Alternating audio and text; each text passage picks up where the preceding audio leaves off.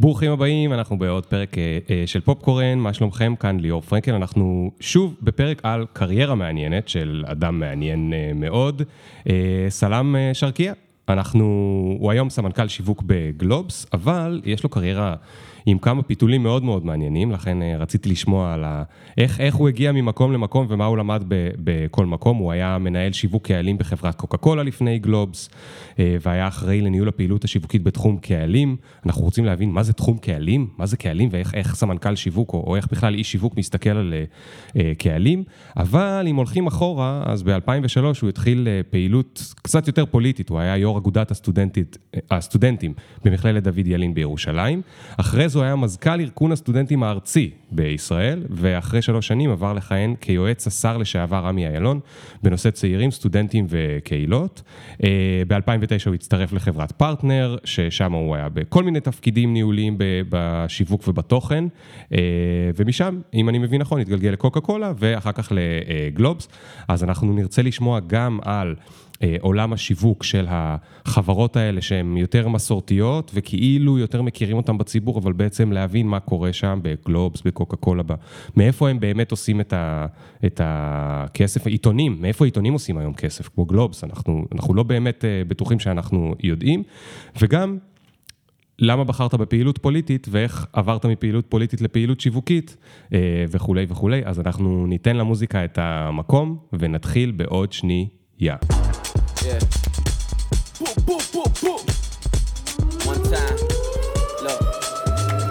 Ring the alarm, hot ass nigga. Yeah. Big ass head so my dreams get bigger. Yeah. Big campaign strong so my flows get sicker. Yeah. Confidence bigger than a drunk ass nigga. Look, I'ma work graveyard shift. שמע, אני מגיע לירושלים בשנת 2001. שנת 2001 זה שנה של ירושלים בוערת. אינתיפאדה, מצב מאוד מאוד קשה. אני מגיע להיות סטודנט שנה א'. ובמהלך אותה השנה אני מחליט אה, שאני מתמודד לראשות אגודת הסטודנטים. עכשיו, אה, זאת החלטה הכי מוזרה, הכי מנותקת, כי אתה בא לקמפוס ש... אתה יודע, אתה בא מהחברה הערבית, אה, איך בכלל, עצם, הרע... עצם המחשבה על הרעיון היא הזויה. ואני מתמודד לראשות אגודת הסטודנטים, אני אומר לעצמי, מקסימום אני אצליח, מקסימום זה, אני אהיה סגן יושב ראש אגודה, אני אהיה איזה בקיצור, אנחנו באותו יום, אני זוכר אותו יום של אגודת הסטודנטים, זה היה באמת מאוד שבוע מאוד מתוח. באותו שבוע נהרגו שני סטודנטים בפיגוע מספר, באוטובוס מספר 18, אני חושב, אחד מהם ערבי, אחד יהודייה. והקמפוס היה נורא מתוח, באותו יום של הבחירות לראשות האגודה. בטעות, אין לי מושג עד היום, בסדר? לא ניתחתי את זה, בטעות אני נבחר להיות יושב ראש אגודת הסטודנטים. אין לי מושג, אין, שום נתון סטטיסטי לא יכול להסביר את הדבר הזה. אבל אני נבחר, הם התמודדו שבעה אנשים, היה אחוז הצבעה נמוך, היה באותו יום לא יודע מה היה. קיצור, אני נבחר להיות יושב ראש אגודת הסטודנטים. אני בן 19, בסדר? השנים הם שנים, שנתיים אחרי שגוגל נוסד, כן? אין פייסבוק עדיין. ו... ואני לא מבין את האירוע. לא מבין אותו, בסדר? אני, המקום הכי רחוק שהלכתי אליו לפני זה, זה בגיל 18 לקניון לב חדרה, כן? בואו בוא נביא רק את הפרופורציה. ו... מתקשר אליי עיתונאי של כל הזמן מעריב, אומר, תשמע, שלום, אתה סלם, אתה יודע, כל היהודים קוראים לי סלם, עד שמבינים שקוראים לי סלם, כי שלום זה שם מאוד קשה. והוא אומר לי, אני רוצה לראיין אותך. עכשיו, אני בן 19 כזה, הוא אומר, בטח, בן, איפה אתה גר, גבעת צרפתית, בוא, מתראיין, דופק איזה רעיון מטורף, מדבר על מה שאתה רוצה, מה ש... כל מה שמעניין.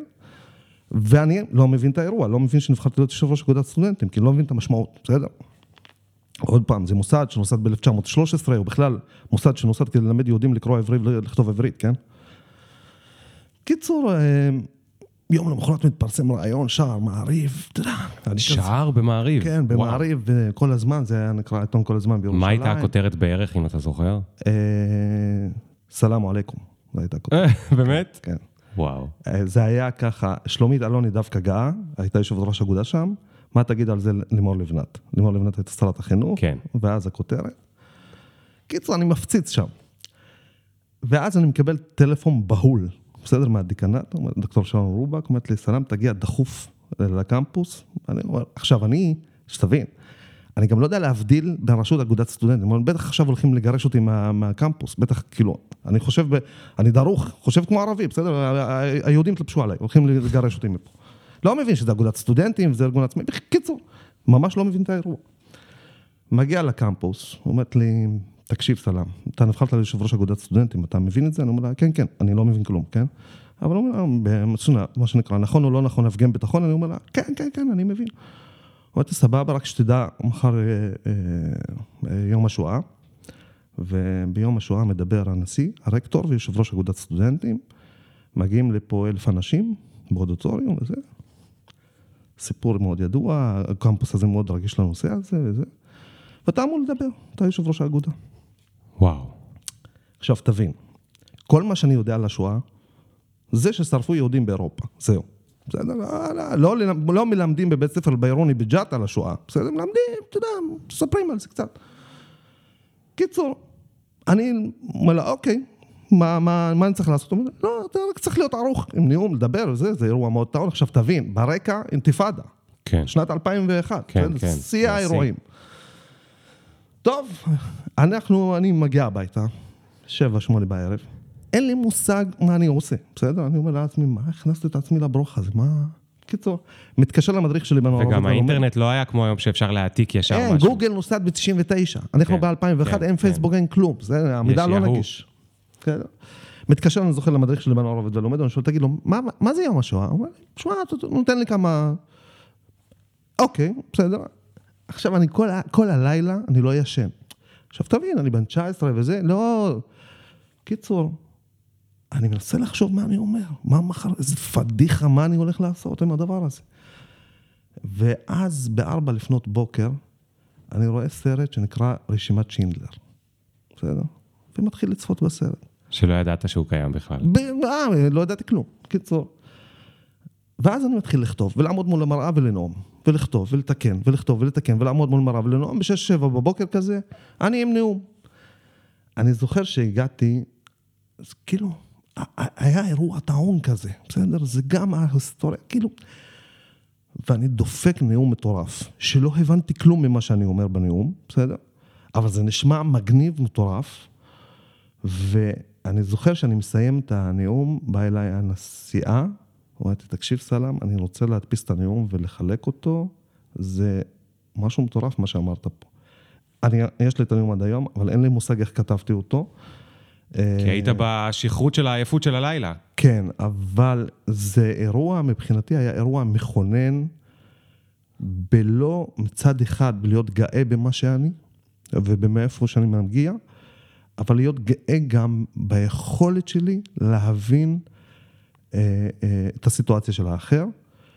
אה, וזה פיתח אצלי את היכולת גם לגרום לאחר להבין את המקום ממנו אני מגיע. Hmm, אה, וזה מבחינתי, זה היה סיפור מטורף. וואו. ואני כאילו, עד היום אני זוכר את זה מצוין, וזה מבחינתי משהו שאני כל הזמן, אה, כל הזמן אני הולך איתו, כי זה מבחינתי, זה ממש בגיל מאוד מאוד צעיר, אה, באירוע מאוד מאוד אה, מורכב, בבחירה מאוד מאוד, לימים, אז הייתה שנויה במחלוקת. כן. אה, אני יכול רק להגיד, שנה אחרי התמודדתי לראשות אגודת הסטודנטים, הייתי מועמד יחיד, זה היה כן או לא, ונבחרתי כמובן לקדנציה שנייה. ומה שלמדתי מהחוויה הזאת, שאם אתה תהיה הגון ושקוף, ותשרת את האנשים באופן שבו הם מצפים ממך, ובדרך שבה אתה יכול לגרום להם ערך, בסוף אתה יכול, מה שנקרא, להתעלות מכל, מעל כל המחלוקות אה, ולקבל את האמון שוב ושוב. כן. אז אה, מדהים, מדהים. מדהים.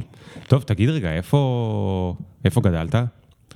אני גדלתי ביישוב שנקרא ג'ת, זה יישוב שיושב, שוכן בין קיבוץ מגל ללהבות חביבה, ממש על קו התפר, מאחור, כאילו, בציר של נתניה חדרה. כן.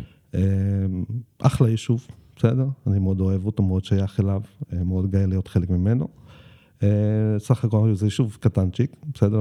גם ביחס לחברה הערבית בכלל, זה עשרת אלפים עד 12 אלף תושבים. אה, זה היישוב מספר אחת בעולם, לדעתי, אם אני לא טועה, באחוז המורים לאוכלוסייה. המורים לאוכלוסייה. כן. איך אתה מסביר את זה? אצלנו לא משנה במה אתה עובד, אתה חייב להיות מורה. אתה יכול להיות מתדלק בתחנת דלק, אתה צריך להיות מורה. קודם כל אתה צריך להיות מורה, אתה צריך לייצר הכנסה של עשירייה ממשרד החינוך, בסדר? איזה קטעים. אה, אצלנו יש, כן, זה מספר מורים מטורף, בסדר? אה, ובואו נזכור, כאילו, ה- התעשייה האקדמית הראשונה שהחברה הערבית נפתחה אליה בשנת 1973, זה היה בית ספר ללימודי הוראה ביפו. כן. אה, והוראה, סקטור המורים הוא הסקטור הגדול ביותר, אחד הגדולים ביותר היום, לאחרונה גם הצטרף אה, סקטור הרוקחים והרוקחות וכל התעשייה של הרפואה, אבל אה, כן, זה יישוב עם עם אוריינטציה של הוראה. ואיך מאוד- היית בתור תלמיד, כשהיית ילד? היית תלמיד טוב או. שובב? בוא נגיד ככה, ביסודי הייתי תלמיד, הייתי יכול, אני יכול להגיד שהייתי תלמיד מצוין. אגב, יש לי סיפור מעניין. ב- ב- בכיתה ב' או ג' היה בחינות מיצ"ב או משהו כזה, לא זוכר איך קראו לזה. מיצ"ב שבוחנות את הרמה הלאומית במתמטיקה, אנגלית, אני לא יודע איך. קראו לזה, זה- אבל זה כאילו מבחן שמשרד החינוך מביא לילדים כדי לבדוק כמה הם אה, כן. חכמים יותר, חכמים פחות, אה, חרוצים יותר, נכון, חרוצים פחות. ואז יש תמיד בעיתון את היישובים, כן, מגבוה, מלמטה. כן, אני מדבר איתך על הש... אז- אז- אני לא יודע, זה 91, לא יודע מתי זה היה. בקיצור, עד 91, לא, כן, אני גדול. ו... אה, 91, 92, כזה. קיצור, אני ניגש למבחן, ואני מביא ציון מאוד מאוד גבוה, אני ועוד מישהי מהכיתה, הציון הכי גבוה בבית הספר, וזה מתקשר גם למקום ממנו אליו אני מגיע. אני, אבא שלי קבלן אינסטלציה, היה אינסטלטור, היום הוא קבלן, אז היה אינסטלטור. ואימא שלי עקרת בית. בכלל, אימא שלי האישה מעוררת ההשראה, מה שנקרא, בכל... היא מעוררת השראה באופן כאילו כזה שאני כל הזמן מדבר עליה. היא בת למשפחה של 14 אנשים, 14 ילדים. וואו. והיא בת שנייה. ואבא שלה הוציא אותה בכיתה ה' מבית הספר כדי לעזור לסבתא שלי לגדל את האחים שלה. ו... היא נהייתה אימא בגיל, אה, בכיתה ה'. כן, כן, כן, כאילו... ואימא, אבא שלי הוא בן אדם רך כזה, שאתה יודע, ואימא שלי, היא- כאילו, היא הקשוחה, אבל היא קשוחה ורכה בו זמנית. אז, אה, אבל היא אישה שמה שנקרא, יכולה להביא, להוביל צבא ומדינה, בסדר? אישה שיצאה, אבא שלה הוציא אותה בכיתה ה' והיא דוברת עברית, וזה, כאילו, והיא נלחמה, ואני זוכר שהיינו, כשהיינו ילדים היינו קצת במצב לא כלכלי לא טוב, והייתה מכבה את המקרר בין 2 ל-4 לפנות בוקר כדי לחסוך בחשמל, ו... ומצד שני הייתה קונה לי נעל של לוטו, מקניון לב חדרה ב-300 שקל בשנת 92, כי אני מאוד אהבתי את מכבי חיפה, ועד היום אני אוהב את מכבי חיפה, והמותג שלהם היה לוטו, כן, בסדר? כן. אז, ואני, והיא מבחינתי אחד הגורמים למה שאני, לא רק במובן של אימא מגדלת ילד, אלא במובן האופי שלי, ואני זוכר שבאותו מבחן מצב אני מפציץ, מביא ציון מאוד גבוה, והיא כאילו מאוד קשוחה למה זה לא מאה, בסדר? מה, מה פספסת שם? מצד שני, היא מספרת לכל השכנות כמה היא גאה בציון, אז היא כזאת, היא מסוג האנשים שמה שנקרא, אה, היא תדחף אותך עד הקצה, אבל אתה יודע שאתה לעולם לא תיפול. בסדר? זה הגדרה מאוד יפה. וכן, ו, אמ, וכאילו, זה, זה, זה המקום שגדלתי פה, גדלתי במקום שהוא מאוד מאוד קה- קהילתי, הוא מאוד, יש בו... היא הייתה מדברת איתך על העתיד שלך? זאת הייתה אומרת לך, תלך להיות משהו, או... כן, היא, היא כל הזמן דאגה שאני אהיה תלמיד טוב, היא כל הזמן אה, דאגה שיהיה לי את הסביבה שתומכת בדבר הזה, שאני אגיע רחוק. בוא גם לא נשכח, היא מגיעה ממשפחה שמאוד פוליטית, ס- הסבא שלי, אבא שלה היה אה, סגן ראש עיר, אח שלה היה שר הערבי הראשון בארץ, אח שני שלה היה מנכ"ל, אה, אה, סגן ראש עירייה. כלומר, היא מגיעה ממשפחה מאוד מאוד כן. דומיננטית, יש גם מאוד ציפיות גבוהות. כן, כן, חד משמעית. היא כאילו, היא כאילו אף פעם לא מרוצה, היא כאילו כל הזמן קדימה, לנוע קדימה. אה, מצד אחד. מצד שני, אתה יודע, לא היה לה את הכלים לתת לנו, אבל לא היה חסר לנו שום דבר. כלומר, אנחנו לא הרגשנו שלא היה לה את הכלים לתת לנו. אה, ואני מבחינתי, כאילו, היא עשתה את המקסימום כדי שאני אהיה במקום שאני נמצא בו היום. והמון המון יש לה המון נקודות זכות, כמובן לאבא שלי שעבד מאוד מאוד קשה, אבל אבא שלי איש טוב כזה, כאילו, אני זוכר שהבאתי ציון מאוד גרוע בהיסטוריה בכיתה ה' ונתן לי עשרה שקלים ב-92, אז הוא, כאילו, התגמולים אצלו, כאילו, לא... לא היה כאילו. מקום טוב. היא כאילו הייתה מה שנקרא המנוע, כן. אה, תרתי משמע, ו, אה, אה, וכן, זה, זה חלק מהסיפורים שאני זוכר את זה. ובחטיבה ובתיכון, כי התחלת להגיד ביסודי הייתי תלמיד טוב, אבל... בחטיבה ובתיכון קצת הלכתי טיפה למה שנקרא, לא, לא רוצה להגיד לאיבוד, אבל הציונים שלי כאילו דעכו, כי נכנסתי לנוער עובד ולומד, ופתאום התפתחתי באופ... התפתח אצלי שריר אחר, ועד היום אני אגב זוקף לנוער... רגע, נוער עובד ולומד באיזה כן? בקן של ג'אט, כן. יש, אה, יש שם כן? היה, היה אחד הגדולים בארץ, אגב. איזה אחד נחמד. הדומיננטים, כן. אה, גם אני אה, תמיד אומר שחלק ממה שאני זה הנוער העובד והלומד, זה יכול להיות לבנות אישיות. אתה חייב רגע להסביר לי, כי אני לא מבין בזה. לנוער העובד והלומד- ת- והלומד- תראה, אני הייתי בצופים. שם כן. היה גם צופים ביישובים ערביים, הייתי יכול אה, להבין. נוער עובד ולומד זה מאוד מאוד מחובר לחלוציות. נכון. ולזה, אז, אז אז, איך... אז אני אסביר. יש קודם כל כן, עד היום יש כן ערבי בנוער עובד ולומד, אבל זה לא בהכרח, בסדר? הערכים של תנועת הנוער עובד ולומד עושים להם אדפטציה בחברה הערבית. אוקיי. זה לא שלמדים אותך על ז'בוטינסקי, בסדר? כן. דווקא בנוער עובד ולומד בג'ת למדתי דברים שקשורים לסוגיה הפלסטינית וסוגיית הנכבה וכל הדברים האלה. שם דווקא למדתי הרבה יותר ממה שלמדתי בשום מקום אחר. כן. כי זה, זה המסגרת, המעט- המעטפת, היא הנוער עובד ולומד, החולצות הכחולות, אבל בפועל, בפרקטיקה של היום-יום, זה מקום שהלוואי וכמה שיהיו תנועות נוער, כי זה מקום שאחסן כל כך הרבה צעירים במקום שילכו לאלימות ולפשיעה ולסמים ול- כן. ולזה, לדבר על ערכים וללמוד דברים חדשים. ולא, לא, לא למדנו שם לא על ז'בוטינסקי ולא על אה, אה, בית ברל, למדנו שם דווקא על אה, אה, אמיל חביבי ולמדנו דווקא שם על הנכבה, כן? אז כאילו זה למעלה, זה מדהים. כאילו נוער ולמד, אבל למטה זה פרקטיקה אחרת של ידע כן. ושל זה. אבל המסגרת הייתה מסגרת נהדרת, והמפגשים היו מפגשים נהדרים. ושם באופן טבעי, כשהתפתח אצלי השריר, ה- נגיד ככה, השריר הבלתי פורמלי הזה, אז באופן טבעי הייתה, זה היה על חשבון הלימודים שלי. אה, אבל כן, כל הזמן כאילו בתיכון עוד פעם, לקחתי עוד פעם רוורס, אתה יודע, שוב, אימא שלי הייתה שם על המשמר, כן. ומה שנקרא, הזנקתי את האירוע מחדש מבחינת הבגרויות וכל הדברים האלה, והשתלטתי קצת על עצמי, ומשם התחלתי לרוץ. ואז אה, מה שאני מנסה להבין זה איך, איך קרה שפתאום רצת לאגודת הסטודנטים. זאת אומרת, מאיפה זה, מאיפה זה הגיע? קודם כל, אני חייב להגיד שזה סוג של גנטיקה, כן? זו, זו, זו, זו משפחה שהיא היא כל הזמן באור הזרקורים, היא כל הזמן כן. בעשייה. זאת אומרת, ב- ב- במקום של המסוגלות, אתה ראית, היה לך הרבה role models שראית שהגיעו רחוק. חד אז משמעית. אמרת, אני לא מרגיש מחסומי, כי אני מרגיש, כי אני בטוח שהרבה פעמים בחברה הערבית יש, יש ילדים שמסתובבים שהם מרגישים שיש להם אה, תקרה, ויותר קשה. חד משמעית, חד משמעית.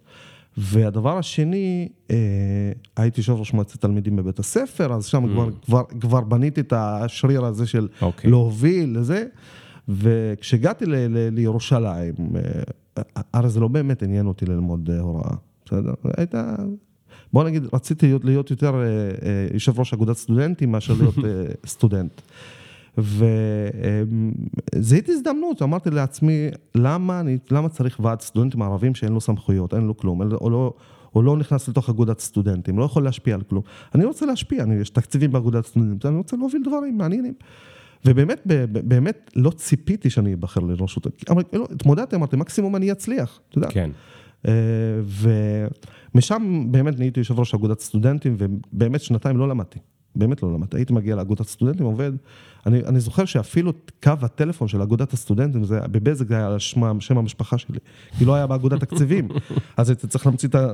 כן. מחדש. אני זוכר גם שה...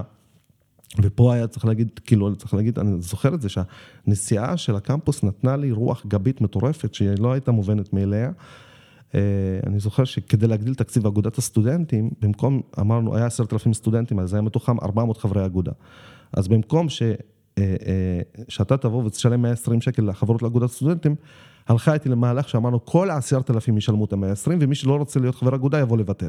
Mm, בסדר? הפוך. ואז הגדלנו באופן פסיכי את תקציב אגודת סטודנטים, ומשם האגודה גדלה, והפעילויות שלה גדלו באופן משמעותי, ובאמת מי שלא רצה לבטל, אבל אנחנו, יש את מה שנקרא, כל התובנות הצרכניות בעולם בנויות על זה שחלק אינטגר, אינטגרלי מזה זה עצלנות. בסדר? כן, אז אנשים. לא... והייתה שם עשייה מאוד מאוד משמעותית, ומשם התפתחתי ונהייתי מנכ"ל... ו- רגע, אז תכף הפכת להיות גם אה, אה, מזכ"ל באגודה הארצית, נכון? כן, בארגון אבל באותו, באותם שנים אתה אומר לעצמך, אני הולך להיות פוליטיקאי? זה המחשבה? תשמע, באותם שנים אני זוכר את הדוד שלי נכנס לכנסת, ואני מתחיל להרגיש את ה vibe הזה, בסדר? אני מתחיל, כמו שאומרים, אני מתחיל להתחמם על, ה, על הקווים, בסדר?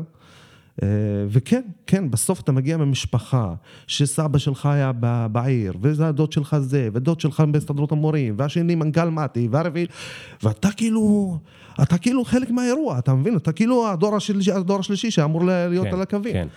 אה, ו, אה, וכן, כן, אתה מתחיל להרגיש את הדבר הזה, ואני זוכר שהובלתי מאבק סטודנטים נגד דוח שוחט בזמנו יחד עם חבריי בארגון הסטודנטים, ואני זוכר את הדוד שלי מתקשר ואומר, בוא, בוא, בוא, בוא, בוא, בוא לכנסת, בוא, בוא לשיחה, בוא, בוא רגע נדבר, מה אתה עושה שם באגודת סטודנטים, וכאילו, ומשם הוא מתחיל לקחת אותי לכל מיני מחוזות ומקומות, שאני מתחיל להבין מה זה מסעודין אל-עזאזמה בגיל 20.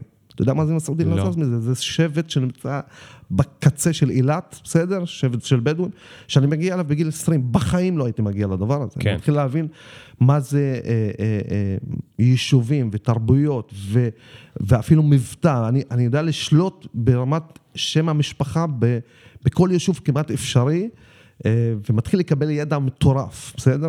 פשוט ידע מטורף ולסייר בארץ ולראות דברים שהם אה, פסיכיים מצד אחד, מצד שני, אני מתחיל מה שנקרא גם אה, להיות עם המון חברים יהודים. יושבי ראש אגודות סטודנטים בכל הארץ, אה, חוויות, בחירות, הובלת מאבקים, השבתת אוניברסיטאות. אנחנו, אני זוכר שכשהייתי מזכ"ל ארגון הסטודנטים, זאת הייתה שביתה גדולה ביותר אי פעם בת- בתולדות הסטודנטים בישראל, כשהשבתנו את הקמפוסים חצי שנה. באיזה שנה? נראה לי זה היה ב-2006, Mm, 2005-2006, ועד היום, עד היום, ההסכם שמחזיק את מערכת היחסים בין הסטודנטים לממשלה, זה היה ההסכם הזה, שבעצם אה, אה, מנע מעליית שכר לימוד, הייתה, רצו שכר לימוד דיפרנציאלי, יולי תמיר הייתה שרת החינוך, כן. ועשינו הסכם מצוין איתם, דקה לפני מה שנקרא ששוברים את הכלים והסמסטר מתבטל.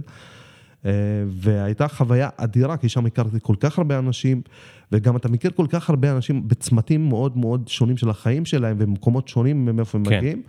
וחלק גדול מאלה שהיו ב, אה, אה, באגודות הסטודנטים, יושבי ראש אגודות, או חלקם נהיו, הלכו לפוליטיקה, חלקם הלכו לעסקים, אבל אין ספק שזה גם הייתה עוד חבורה, עוד אנשים שונים, אחרים שאתה מכיר, ועד היום, למשל, אה, איתי ברדה, שהוא היה מנכ"ל באחת החברות של אלמן אלדובי, הוא חבר טוב שלי, וגלדה, וכל מיני אנשים שהם מאוד מאוד איכותיים, ואנחנו מחלפים ומדברים על דברים. אבל עדיין היית מאוד מאוד צעיר, כן. כדי להחליט על הקריירה, כן. נכון?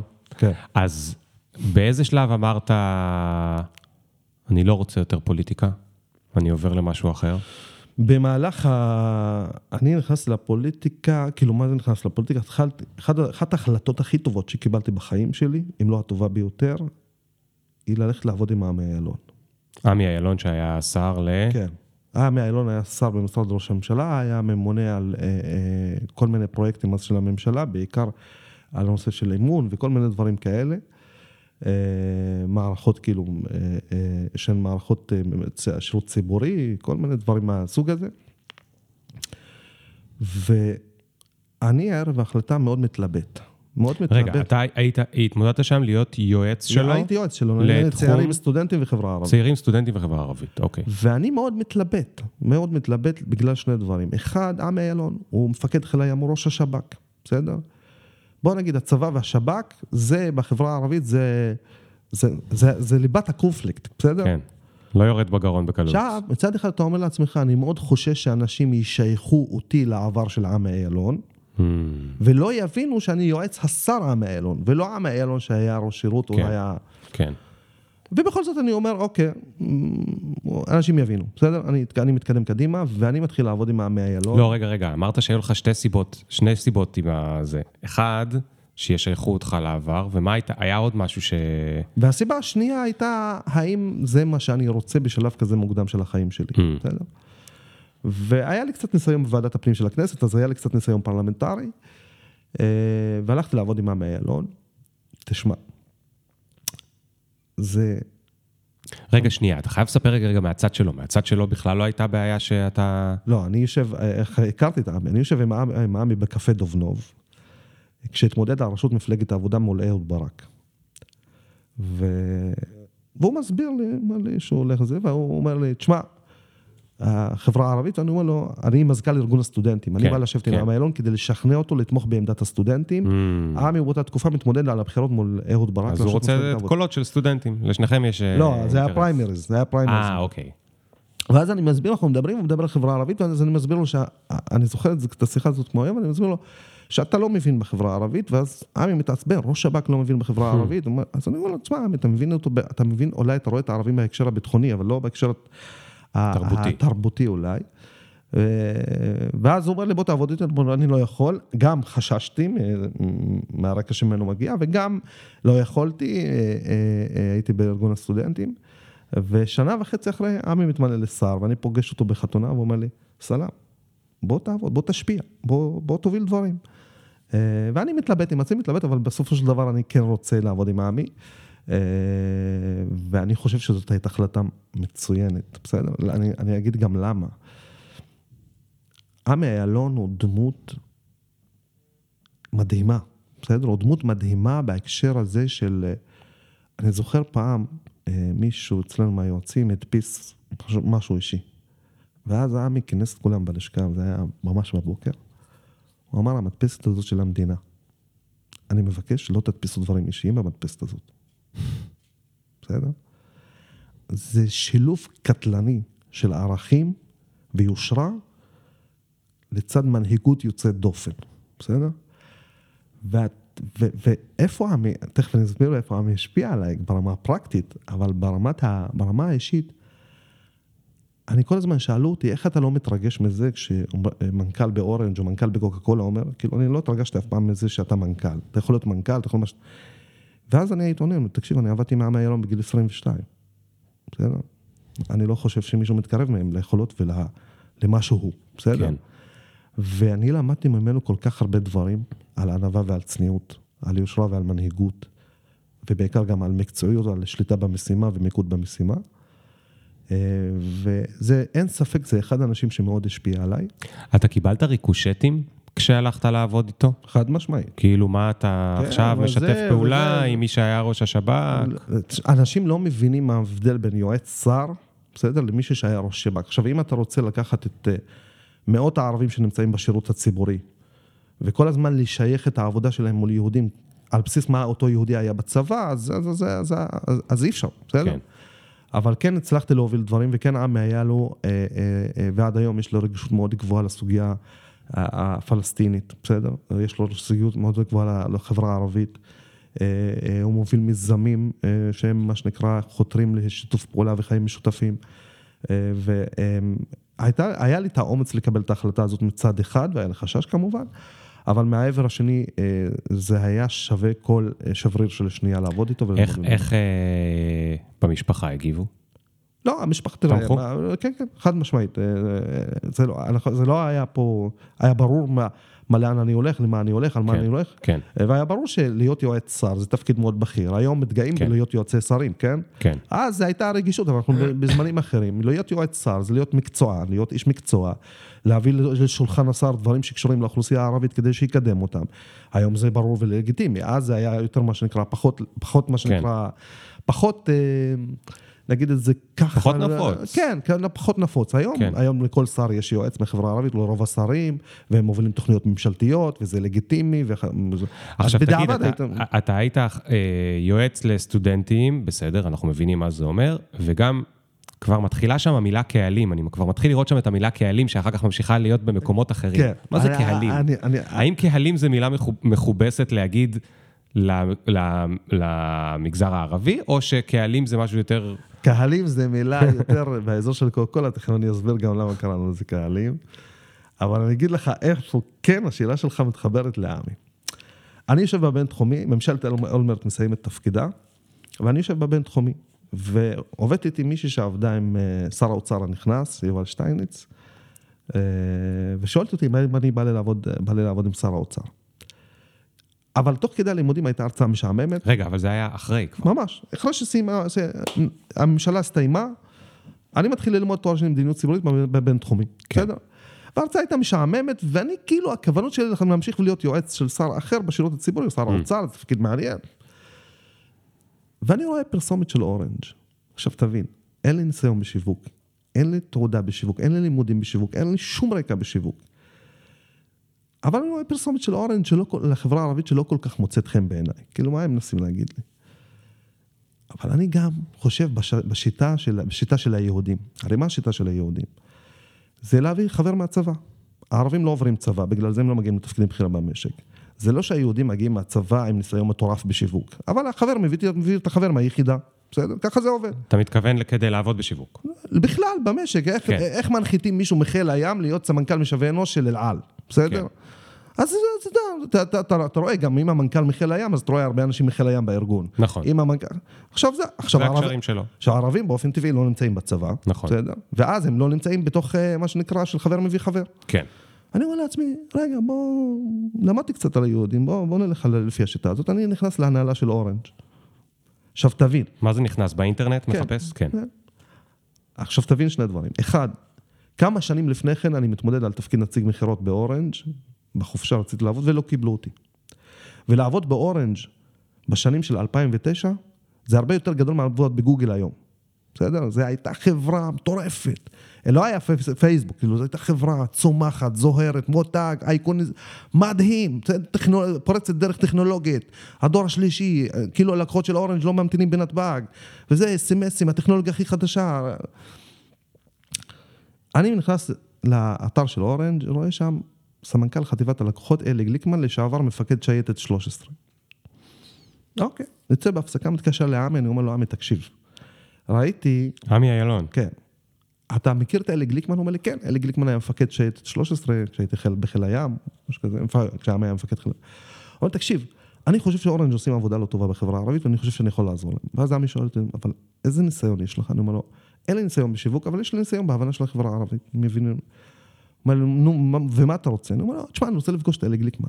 הוא אומר לי, אוקיי, נדבר איתו. אה, אני מדבר איתו. עכשיו תבין, אני לא קיבלו אותי להיות נציג מכירות באורנג', כן. כן? כאילו הכי זוטרה במשאבי אנוש באורנג' לא הסתכלה עליי. אני, ומזמנים אותי לפגישה לאלי גליקמן. אני מגיע למשנה למנכ"ל אורנג', חברה של עשרת אלפים עובדים, הכי צומחת במשק. אה, רק, אתה רוצה רק, ל, אתה רוצה להיות מנוי של אורנג' אז. כן, תכף כן. נדבר על רגע על המנויים של אורנג', זה סיפור מטורף, בסדר? על ניתוח ודאטה ופוליטיקה. היה להם משרדים יפים מאוד. כן, כן, זו החברה הכי, אתה יודע, אני זוכר שבאורנג' היה קמפיין עם בנק לאומי, וסמנכ"ל השיווק לא הסכים שהלוגו של בנק לאומי יעלה איתנו לטלוויזיה, ולא עלה, בסדר? אז רק שתבין איזה טירוף זה היה. כן.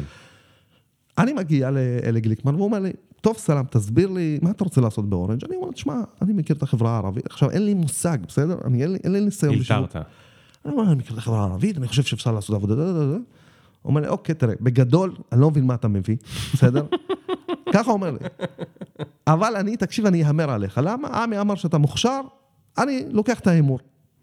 עכשיו תבין, אני, שולחים אותי לפגישה עם ארז פס, סמנכ"ל השיווק, סמנכ"ל השיווק של אורנג'. התקציב של אורנג' היה 250 מיליון שקל, תקציב המדיה, כן? שתבין מה המספרים. והוא שולח אותי לעבוד עבודה סמינריונית על משרדי פרסום בחברה הערבית. מטרטרים. כאילו, תעשה לו לא, מחקר. כן, לך תעשה מחקר. מה, מצגת כאילו? לא, לא, לא? עבודה, כריכה וזה, 40 אה. עמודים, טטטי. עכשיו, אני מתחיל לעשות עבודה על משרדי פרסום בחברה הערבית, ואז אני מתחיל להבין מה זה supervisor ומה זה זה. ואז שולחים אותי לעוד פגישה עם מנהל אגף השיווק של אה, אה, אה, אורנג', ניר נוסבאום, שסמנכ"ל העסקים של לאומי. שהם כולם בכלל לא רצו, אבל הפילו להם מלמ- מלמעלה. אמרו לו, אמרו, "תפגוש את לא, לא, לא הזה." הפילו להם, אמרו, תקשיבו, נראה, הוא מספר סיפור שאפשר לעשות, ואורנג' הייתה נתח שוק מאוד נמוך בחברה הערבית, כן? אמ, אוקיי. אבל אמרו תשמע, נראה לי הבחור הזה כאילו, הוא מספר סיפור שהוא יודע לעשות משהו. קיצור, אחרי כל הסבב הזה, מגיע- מגיעים אמרו לי, טוב, התקבלת, בסדר? שולחים אותי למבחנים בעד המילות, אבל התקבלת. אומרים לי, כמה שכר אתה רוצה? עכשיו, תבין, אני לא מאמין שזה קורה לי. לא מאמין. לא מאמין שאני, כאילו, מלרצות לרצות נציג מכירות באורנג', אני, כאילו, הנחיתו אותי, כאילו, אני מפקד סטילים בחיל הים, בסדר? ככה הנחיתו אותי על המערכת. שמה מה- מה היה הטייטל כאילו? זה היה מנהל מחלקת שיווק בחברה הערבית. עכשיו, כן. מנהל, לא סתם. כן, כל הד... הדרגה הכי בכירה. הדרגה הכי בכירה בארגון שאחראי לנווט את כל העשר העסקים של פרטנר בחברה הערבית. אני אומר לך, הרגשתי תת-אלוף מחיל הים, בסדר? ככה הנחיתו אותי על המערכת. קיצור, אני מגיע, אומרים לי, כמה אתה רוצה שכר? תבין, אני, אני לא מאמין שזה קורה לי, אני אומר להם, "אה, 6,000 שקל. זה ציפיות שכר שלי. כמעט שכר מינימום. כן, אבל אז זה 6,000 שקל, כן, שכר מינימום פלוס. ואז אומרים, מה? אני אומר, 6,000. אתם רוצים 5,500? כאילו, זה 6,000 זה הרבה. ואז נותנים לי 15,000 שקל, אני מדבר איתך על 2009, כן? כן. ורכב. אני נשבע לך, כל יומיים הייתי שוטף את הרכב, כדי שהלוגו של האורנג' ימשיך להיות זוהר. אני התרגשתי ברמה שלא האמנתי שזה קורה לי. ו, אה, אה, וזה היה, אתה יודע, זה סיפור, בסדר? שהוא סיפור של מזל. זה מזל. אני לא יודע. שום סיכוי בעולם שהייתי מתקבל לאורנג' אם זה לא היה קורה ככה. לא. בוא, בוא, בוא, בוא נקרא לזה בשם אחר, מזל. ככה, אחד, אתה עבדת קשה מאוד מגיל 19, לעשות, אה, עבדת קשה באגודת סטודנטים, בזה, וכנראה היית טוב, אחרת לא היו בוחרים בך עוד פעם, וכנראה היית טוב, אחרת לא היו לוקחים לך להיות אבל לא היה לי מזכ"ל. ניסיון בשיווק, לא רגע, למדתי שיווק. רגע, אבל הקורות חיים כבר מראים שיש פה בן אדם רציני. נכון שבשיווק אתה לא מבין, אבל הבן אדם הזה הוא רציני, אבל הוא להיות חרוץ. מנהל מחלקה באורנג' נכון? של אז, זה כמו שאתה נכון. חשבת, תקבל מישהו שיש לו יושב ראש אגודת סטודנטים להיות מנהל מח- אגף בגוגל. רגע, זה באמת הזוי. שתיים, שתיים, השתמשת ברשת קשרים? במקרה השתמשת בה הכי בש- גבוה שהכרת. השתמשתי בשיטה שבה משתמשים כן. יהודים במדינה אני הזאת. אספר לך משהו, אבל הם משתמשים בזה, גם בכל העולם משתמשים בזה, קוראים לזה networking. נכון, עכשיו, יפה. networking. עכשיו, מה הסיפור כאן? גם אדוני, רגע, דוד שלך הכניס אותך לכנסת, נכון? נכון. אותי הוא לא הכניס לכנסת, נכון. כי הוא דוד שלך, לא דוד שלי. נכון, אבל אם לא הייתי פעלתן ולא הייתי יושב ראש אגודת סטודנטים ולא הייתי חרוץ, הוא לא היה אז אני אומר, יש לו עוד אז עוד אני אומר, 400 קודם כל בני דודים, בסדר? זה לא שאני היחידי. 14 אחים רק. כן, רק 14 קודם לכם כל- תעשה את המכפולות, זה בדיוק. מטורף. קודם. כל, לא, אז קודם כל היית חרוץ ועבדת קשה. שתיים, גם היה לך קצת קשרים, זה טוב. ו- ו- ושלוש, היה לך את הביצים להתקשר לעמי אילון לבקש ממנו את הטובה אז זהו, הזאת. זה יש פה שתי נקודות. הנקודה הראשונה, רגע, ורגע, דבר אחרון אני רק חייב להגיד. אני לא מאמין לך שאתה לא הרשמת אותם שם. אתה לא, כנראה הרשמת אני אותם לא- שם. אני לא אומר בכל מקום, כולל אצל אדם מילוא בקבוצות, לא יודע מה עשו כן, אני, שם אני, שצריך אני, זה. אני, אני מספר את הסיפור הזה בהומור. כן, תראה, אלי גליקמן הוא אחד האנשים שכל תפקיד שאני הולך אליו, אני שם אותו בתור ממליץ. אלי גליקמן... הוא זה- היה סמנכ"ל שיווק של אורנג'. כן, אלי גליקמן זה הבן אדם ש- שפגש אותי באורנג' ואמר לי, לך תפגוש את ארז, ולארז כמובן מגיע מניות ולניר. אבל אלי גליקמן זה בן אדם שאמר, אני מהמר עליך. כן. בסדר?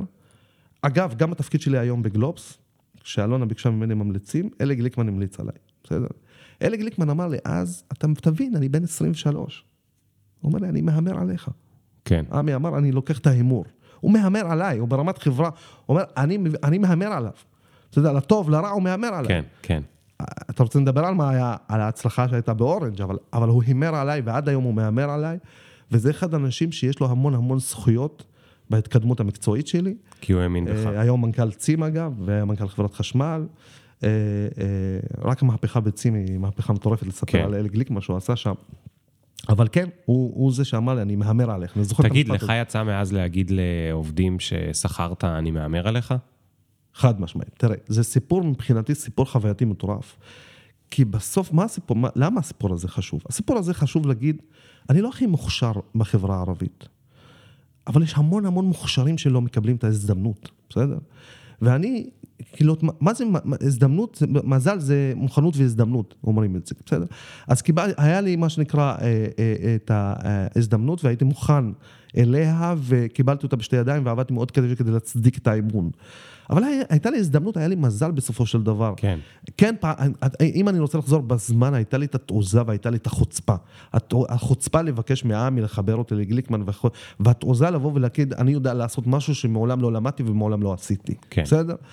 אבל אני בסופו של יום, כשאני מסתכל על התמונה הזאת, אני כאילו, מהסיפור הזה אני לוקח את הצורך תמיד לבוא ולדעת שכל כך הרבה אנשים מוכשרים, דרמה, אפילו הרבה, מוכשרים יותר ממני, לא מקבלים את ההזדמנות.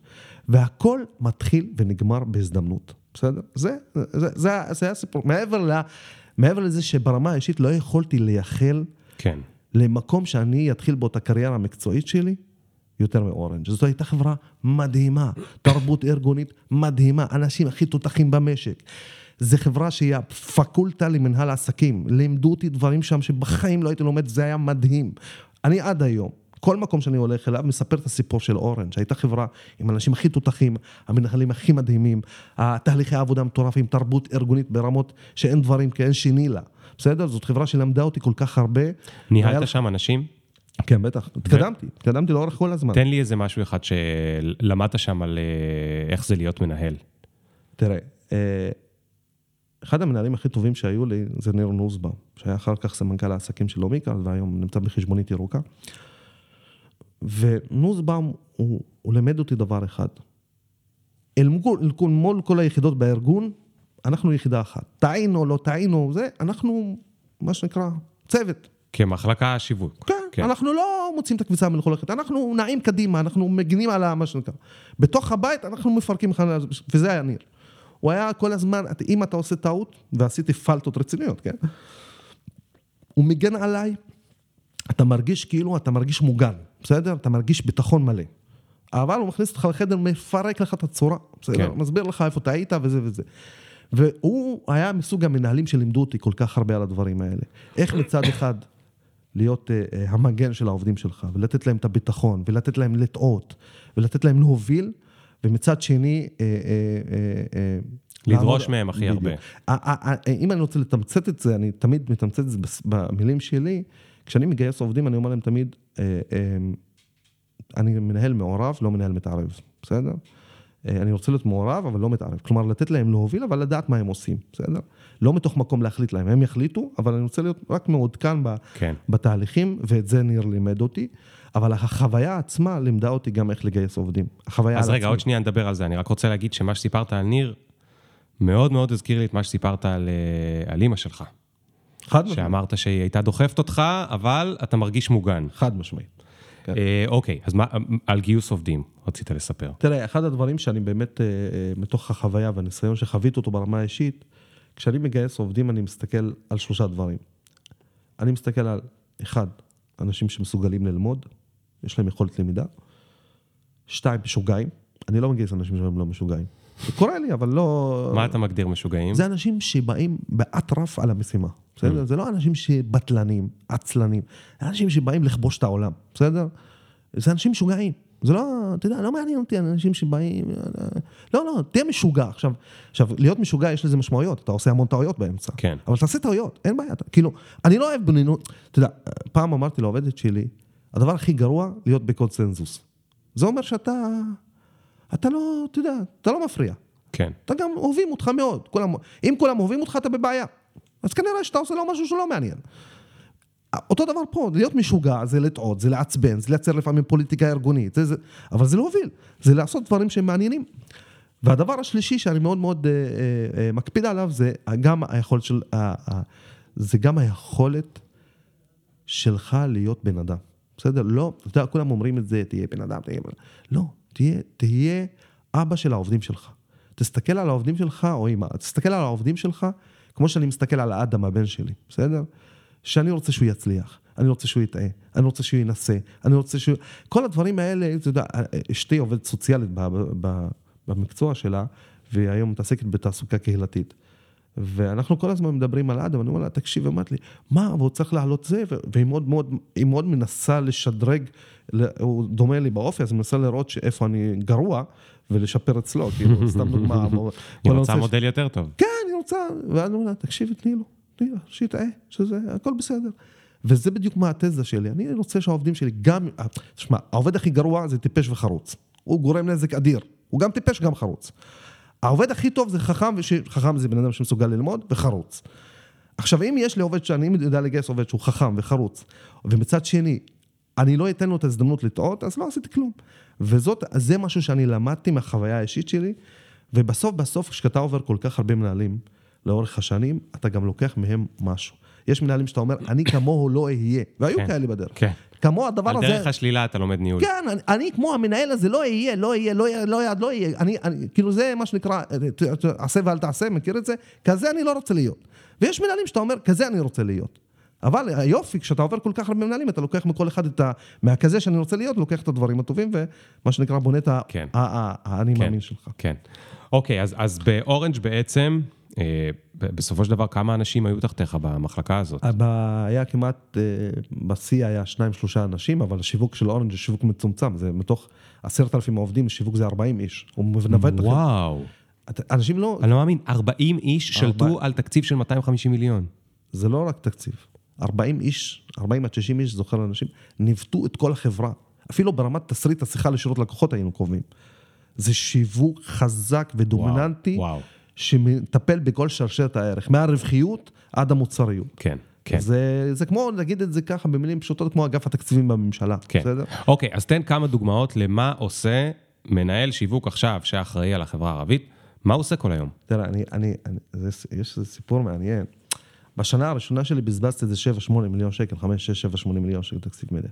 לא עלינו בכלום נתח שוק. אבל כן, זאת אומרת, עשית פרסומות, אבל זה לא השתפר, המדדים לא השתפרו. עשינו קמפיינים, והיה מדהים, והתרגשנו, אבל תוצאות זה. לא הביא. אבל מה זה הביא? זה הביא כן, אה, אה, וזה אומר לזכותו של ארז פז, סמנכ"ל השיווק, זה הביא פוקוס של הארגון ברצון להיכנס ולהביא משם את נתח השוק. היינו, אה, זה נתן תיאבון. כן, היינו עשרה אחוז נתח שוק, כאילו סלקום ופלאפון שלטו באופן אה, מוחלט במשק שם, בשוק שם. בשנת 2010 הגיע יעקב קדמי. עכשיו, קדמי השיק את אורנג' בישראל ב-99. קדמי הוא סמנכ"ל שיווק ברמות ליגות על, בסדר? זה לא- האצ'- אה, אה, האצ'יסון, שזה הפעיל את אורנג' בעולם, לקחו אותו אחרי שהשקה בישראל כדי לת... לייעץ להם איך משיקים מותגים בעולם, בסדר? זה, זה ליגה, ליגה אחרת, בסדר? מגיע קדמי, ואני מצגת כזה, אני אומר לו, טו טו טו טו טו טו טו, סמנכ"ל השיווק וזה. אומר לי, סלאם, הבנתי, אנחנו לא עושים מהשנה שום קמפיין, אנחנו מתחילים לבנות תשתיות. אני אומר לו, מה זאת אומרת? הוא אומר לי, סלאם, אנחנו מתחילים לעשות שני דברים. לפרוס אנטנות ולפתוח נקודות מכירה. לא. אה, הוא לא התכוון תשתיות לשיווק, הוא התכוון תשתיות תכלס. כן, כן. אבל השיווק היה... תשתיות אנטנות הדברים ל- האלה, כן. שיהיה קלי- שיהיה קליטה. שיהיה קליטה והם נקודות מכירה. כן. ולאט לאט אני מתחיל לעבוד, וזה לימד אותי המון, אני מתחיל לעבוד על גיוס עובדים. עכשיו, אני מתחיל להסביר למשווי אנוש, תשמעו, יש... אה, אה, זה נושא, כל ערבי, בסדר? אבל כאילו, סליחה שנייה, מה קשור עכשיו אנטנות ונקודות מכירה לשיווק? זה אמורות מחלקות אחרות לעשות. זה בדיוק מה שקדמי מלמד אותך, ששיווק זה בן אדם שצריך להבין IT. לא, לא להבין פרטי הפרטים מה זה IT, אבל הוא צריך להבין מה התפקיד של IT, ומה התפקיד של דיגיטל, ומה התפקיד של שירות לקוחות, ומה התפקיד... הוא צריך להבין מכירות. איש מכירות לא צריך להבין שיווק, איש שיווק צריך להבין מכירות, בסדר? וצריך צריך להבין את כל שרשרת הערך, ולנהל אותה בצורה כזאת שאתה לא עובד במקומם. אתה מקשיב להם, אתה לומד מהם. אני זוכר שבאורנג' כל יום רביעי משעה 10 בבוקר עד 2 היינו יורדים כולנו למרכזי שירות לקוחות כדי להקשיב לשיחות. ארבע שעות בשבוע. כן, כי הרעיונות הכי גדולים היו יוצאים משירות לקוחות, משיחות עם עם לקוחות. וקדמה הייתה לו תזה שאתה צריך לנהל את כל שרשרת הערך, לא לעבוד במקומם. הם אנשי המקצוע, אבל לנווט את כל שרשרת הערך. והוא אמר לי, תקשיב, אתה קודם כל הולך בודק איפה יש קליטה. איך אתה מוכר כשאין לאנשים קליטה? מה כן. אתה עושה להם קמפיינים? כן. זה באמת, זה מלמד, זה, זה, זה, זה השיעור הראשון שאז למדתי. והדבר השני, תראה, יש אצל הערבים, יש משפט שאני מאוד אוהב להגיד אותו. כשאתה נכנס למקדונלדס, וערבי רואה ערבי בקופה, בסדר? נניח, אה, רואה את יוסף בקופה, אבל יוסף עסוק. ויש אה, אביעד פנוי, בסדר? הוא לא יחכה שיוסף יתפנה, הוא לא יזמין מאביעד. אתה יודע למה? למה? כי בוודאות יוסף ייתן לו יותר קטשופ. בוודאות. בוודאות. בסדר? זה עכשיו, וואו. התזה הזאת, באתי והסברתי אותה, אמרתי, תקשיבו, היינו ביום ביקור כזה, אמרתי, תסתכלו על העמדה מספר 16, יש שם נציג ערבי מאום אל-פחם, והלקוח שם זה לקוח ערבי. הוא, עכשיו התור, אתה יודע, כולם רוצים שהתור שלהם יגיע. כן. התור שלו עובר, והוא לא קם. עכשיו, הוא מחכה שהנציג שם יתפנה. אני אומר, לא, מה הקשר? אמרתם, "הו, שחכו. באמת, הוא חיכה שהנציג שלו יתפנה. כי למה? כי אתה מרגיש הרבה יותר פתוח לספר, כן. ולהתלונן, כן. ואתה משוכנע שתקבל יותר. כן. בוודאות, בסדר? וככה גייסנו 200 נציגי מכירות באורנג'. גייסנו אותם על בסיס מאיפה הם מגיעים, את מי הם מייצגים, ברמת הקהילות הקטנות. כלומר, אם פתחנו מרכז שירות באום אל-פחם, אז דאגנו שיש שם שמונה נציגים, נציג אחד מערערה, ונציג אחד מכפר קרע, ונציג אחד מברטעה, ונציג אחד... כדי כשאתה תושב כפר קרע, תיכנס לאותו מרכז שירות, הרי אי אפשר לפתוח מרכזי שירות בכל היישובים. כן. כשאתה נכנס למרכז השירות, אתה מרגיש שבין היישוב שלך שם, אתה מרגיש שייך, אתה מרגיש שאתה יכול לפנות אליו. וככה, חמש שנים לא פרסמנו כמעט מכשיר אחד, לא פרסמנו חבילת תעריפים אחד. אה, אה, השפה של אורנג' הייתה עתיד נשמע מצוין, עתיד נשמע אורנג', אנחנו שינינו את זה בחברה הערבית ל-Together we can do more, של שפה קהילתית, דיברנו על הרגש, עשינו Christmas market, עשינו אירועים חברתיים, חילקנו מעל 8 מיליון שקל מלגות לסטודנטים שלומדים טכנולוגיה. סיפרנו סיפור של חיבור רגשי לאוכלוסייה, כשהאמת המוצרית היא מה שנקרא, היא ה default. ואנחנו תוך חמש שנים גדלנו מ-11% נתח שוק ל-44% נתח שוק. וואו. ש... גדלנו מאיזה 370 מיליון שקל למיליארד שקל הכנסות. עשינו עבודה מטורפת. וואו. אבל זה, זה לא רק אני. אני, כאילו, בסוף קדמי היה צריך לבוא ולהגיד לי, בוא, בוא תלמד איך בונים. כן, לימד אותו איך בונים. איך בונים מלמטה למעלה ולא מלמעלה למטה. כן. ובסוף היה צוות אדיר בשירות לקוחות ובמכירות. חלקם היום סמנכ"לים ביצים וסמנכ"לים במקומות אחרים, שביחד, כאילו, זו הייתה חבירה, חוויה אדירה של הצלחה.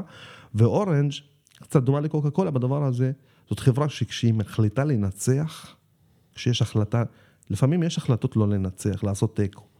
אבל כשהיא מחליטה לנצח, היא מנצחת. זו חברה של ווינרים, ו, אה, ולאט לאט עם השנים התפתחתי, ואז קיבלתי את. להשיק את ה-MBB בישראל, כל המובייל ברודבנד, את כל החבילות הגלישה ואת כל הטאבלטים ואת כל האירועים האלה. הייתה באמת חוויה בלתי רגילה גם להכיר את השוק הכללי. אני זוכר שאחד הדברים הכי מדהימים, אה, אני אגיד את זה בעדינות, שכשהלכתי, ניתחתי את ה base של אורנג', דאז, אה, אני מאוד מאמין בקשר בין דפוסי הצבעה לדפוסי התנהגות. בסדר? אוקיי. ואז אמרתי, הייתה לי תזה, אמרתי, בוא נראה מי הלקוחות של אורנג'. לקחתי תוצאות הבחירות, לפי קלפיות, לפי יישובים, לפי אזורים, ולקחתי את ה base של אורנג'. ואז גיליתי זאת אומרת, שאורנג'... את הנתח שוק של אורנג' לעומת אה, כן, המתחרות. ואז ראית שנניח בתל אביב אורנג' 70 אחוז, בערד 3 אחוז, בהרצליה 70 אחוז, בעפולה 2 אחוז. איפה ש... עכשיו ראית, איפה שיש, קד... זה היה קדימה. קדימה, העבודה מרץ, זה אורנג'. ס- אה, עפולה, ירושלים, זה, כאילו איפה שיש מצביעי ליכוד, ימין, זה יותר מה שנקרא אה, אה, סלקום ופלאפון. פלאפון כאילו קיבלה משני העולמות, כי כן. הייתה החברה הראשונית במשק. אבל כאילו סלקום, איפ- איפה ש... אה, מה שנקרא הימין זה סלקום, ואיפה ששמאל זה יותר אורנג'. עכשיו, זה לא מנותק מהמציאות, למה? כי סלקום, אתה ה- אז ראית את הפרסומות שלה, הכל חיילים, וכדורגל, ועממי, ואורנג' הייתה אה, אה, ספינה בלב ים, וטכנולוגיה, ולא יודע מה, ואז ראיתי, אחד הדברים הכי מדהימים שראיתי, זה ראיתי קורלציה מטורפת בין דפוסי ההצבעה כן. לבין בייס המנויים. ואז איך אתה לוקח את התובנה הזאת ועושה ממנה משהו? אתה מבין איפה הנתח שוק שלך נמוך, ולמה? אתה מבין, אתה אומר, אוקיי, למה בערד לא מצטרפים אליי? הרי יש לי מרכז שירות. אבל זה אומר שעכשיו אתה תהפוך את המותג שלך בערד ליותר עממי? לא. או שאתה לא- לא תצפה מערד יותר מדי? לא, אני מתחיל לעבוד מתחת לקו. זה אומר, אני מתחיל לעבוד, מה שנקרא, אני לא אוכל להביא את כל ערד ועפולה, אבל אני יכול להביא 10%, 20% מערד אוקיי, ועפולה, אוקיי. דרך הצעת המכר, דרך זה, דרך פתיחת משווק מורשה שהוא מוכר בתוך היישוב, Hmm. שהוא יש לו השפעה קהילתית, דרך כל מיני פעולות טקטיות שאני כן. יכול לעשות, לא צריך שהמותג תמיד ייקח את הפרמיה, בסדר? כן. אפשר שיהיה מה שנקרא עבודת, מה שנקרא BTL למטה, וככה עשינו. טוב, בוא נעבור לקוקה קולה. כן. מה, איך הגעת לקוקה קולה? קוקה קולה אני מגיע, אה, תראה, או שזה סתם סיפור רגיל? הייתה לא, הצעת עבודה והלכת, כי בינתיים כל- המעברים שלך הם לא רגילים. כן, כל- קודם כל אני מקפיד על לא לעבור בתוך התעשייה. לא אני לא עובר בין... למתחרים. כן, אני כאילו, יש לי ערך כזה מאוד חשוב, בסדר? הוא מבוסס על שלושה דברים. אחד, קצת ערכיות, בסדר? אני לא אוהב לעבוד בין... כאילו, אני לא, אוהב להיות אה, מה שנקרא אה, שכיר חרב כזה, בסדר? אה, זה לגיטימי, אבל אני לא אוהב את זה. שתיים, כשאתה עובר בין תעשיות, אתה לומד דברים חדשים. ושלוש, אתה מכיר אנשים שונים. הרשת שלך מתגוונת. ואני זוכר כשה... אני לא יכולתי לעזוב את אורנג' כשחיים רומן היה מנכ"ל. הייתי מחובר אליו רגשית, אני בן כוכב, לא יכולתי לעזוב. לא יכולתי בשום צורה להיכנס אליו ולהגיד לו, אני רוצה לעזוב. עד שחיים לא עזב, אני לא יכולתי לעזוב, למרות שמיציתי שנה לפני שחיים עזב. אה, וזה באמת מנכ"ל שנתן לי, כאילו, עוד אחד בקריירה שהוא נתן לי את הכוח וקידם אותי, ממנהלת מוצר, למנהל תחום, מנהל תחום, למנהל המחלקה. בקיצור, אני, חיים עוזב, חודש אחרי אני מקבל הצעה מקוקה קולה, פוגש את אלון זמיר, סמנכ"ל השיווק, וקוקה קולה מתמודדת עם אירוע מאוד מאוד מורכב. אני, מש- מטעם הדברים, חברה פרטית, בניגוד לאורנג', זה, אני לא יכול להגיד נתונים, אבל עם אירועים הרבה מאוד מורכבים, והיא אומרת, תקשיב סלאם, רוצה, אנחנו רוצים שתבוא לנהל את החברה הערבית. אני אומר, תקשיב, רגע, אירוע מורכב, אבל מה זה אומר? שיש. מתחרות? מבחינה עסקית. אוקיי. בסדר. אירוע מורכב מאוד מבחינה עסקית, שקשור בצורה כזאת ואחרת לחברה הערבית.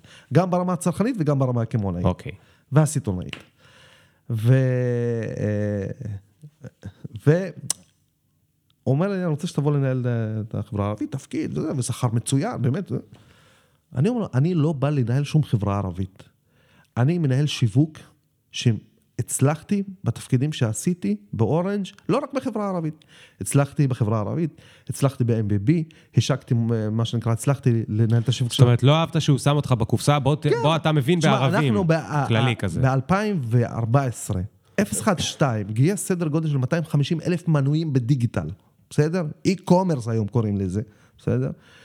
אני הייתי במנהל השיווק, אבל אני, גילוי נאות, היה גדי מיירסון, שהיה מנהל כל האזור הזה מבחינת אה, הדיגיטל והאי-קומרס, היה היום מנכ"ל בי אורי וטרמן, הייתה טל מנדל היום סמנכ"ל שיווק אה, קופת חולים לאומית, כאילו ניהלנו אירוע שהוא case study מטורף ב-2014 איך מנהלים אי-קומרס, כן, בסדר? והוא לא היה קשור לחברה הערבית. לא קשור לחברה הערבית. כן.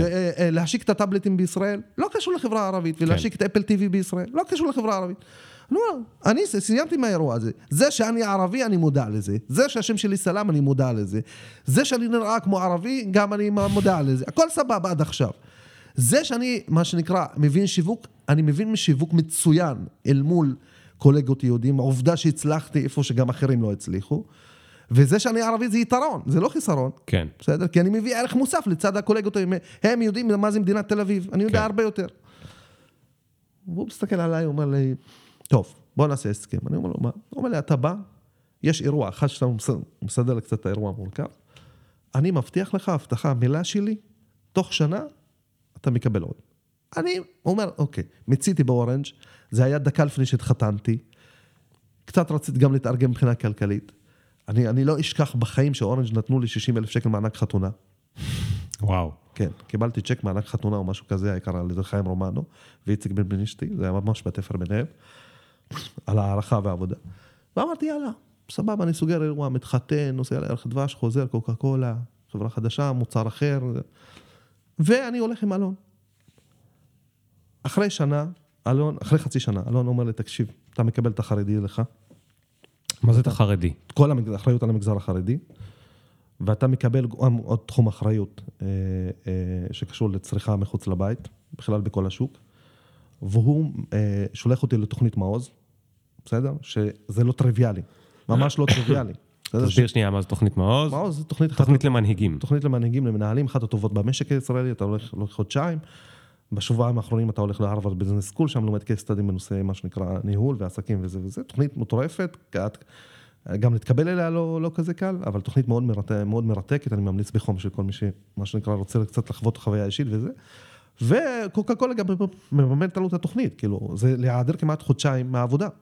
אה, זה חודשיים מלאים שאתה זה בתוכנית? חודש וחצי, חודש וקצת וואו. בישראל, ועוד אה, שבועיים, אה, אבל שלושה זה לא שאתה בארצות בערב הברית. הולך לשעתיים, אתה בוקר לא, עד לא. אתה שמונה בבוקר, אתה שם את הטלפון בצד, אתה כל שמונה. בבוקר עד תשע בערב, אתה לא לא עונה. וואו.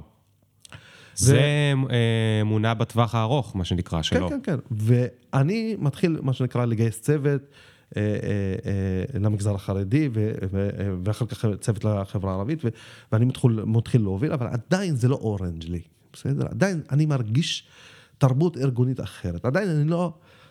אבל אני נהנה, אני לומד, אני מתפתח, אני לומד שוק מוצרי צריכה, לומד את... אם באורנג', אם בפוליטיקה למדתי דפוסי הצבעה, ובאורנג' למדתי דפוסי התנהגות, אז בקוקה קולה אני לומד דפוסי צריכה.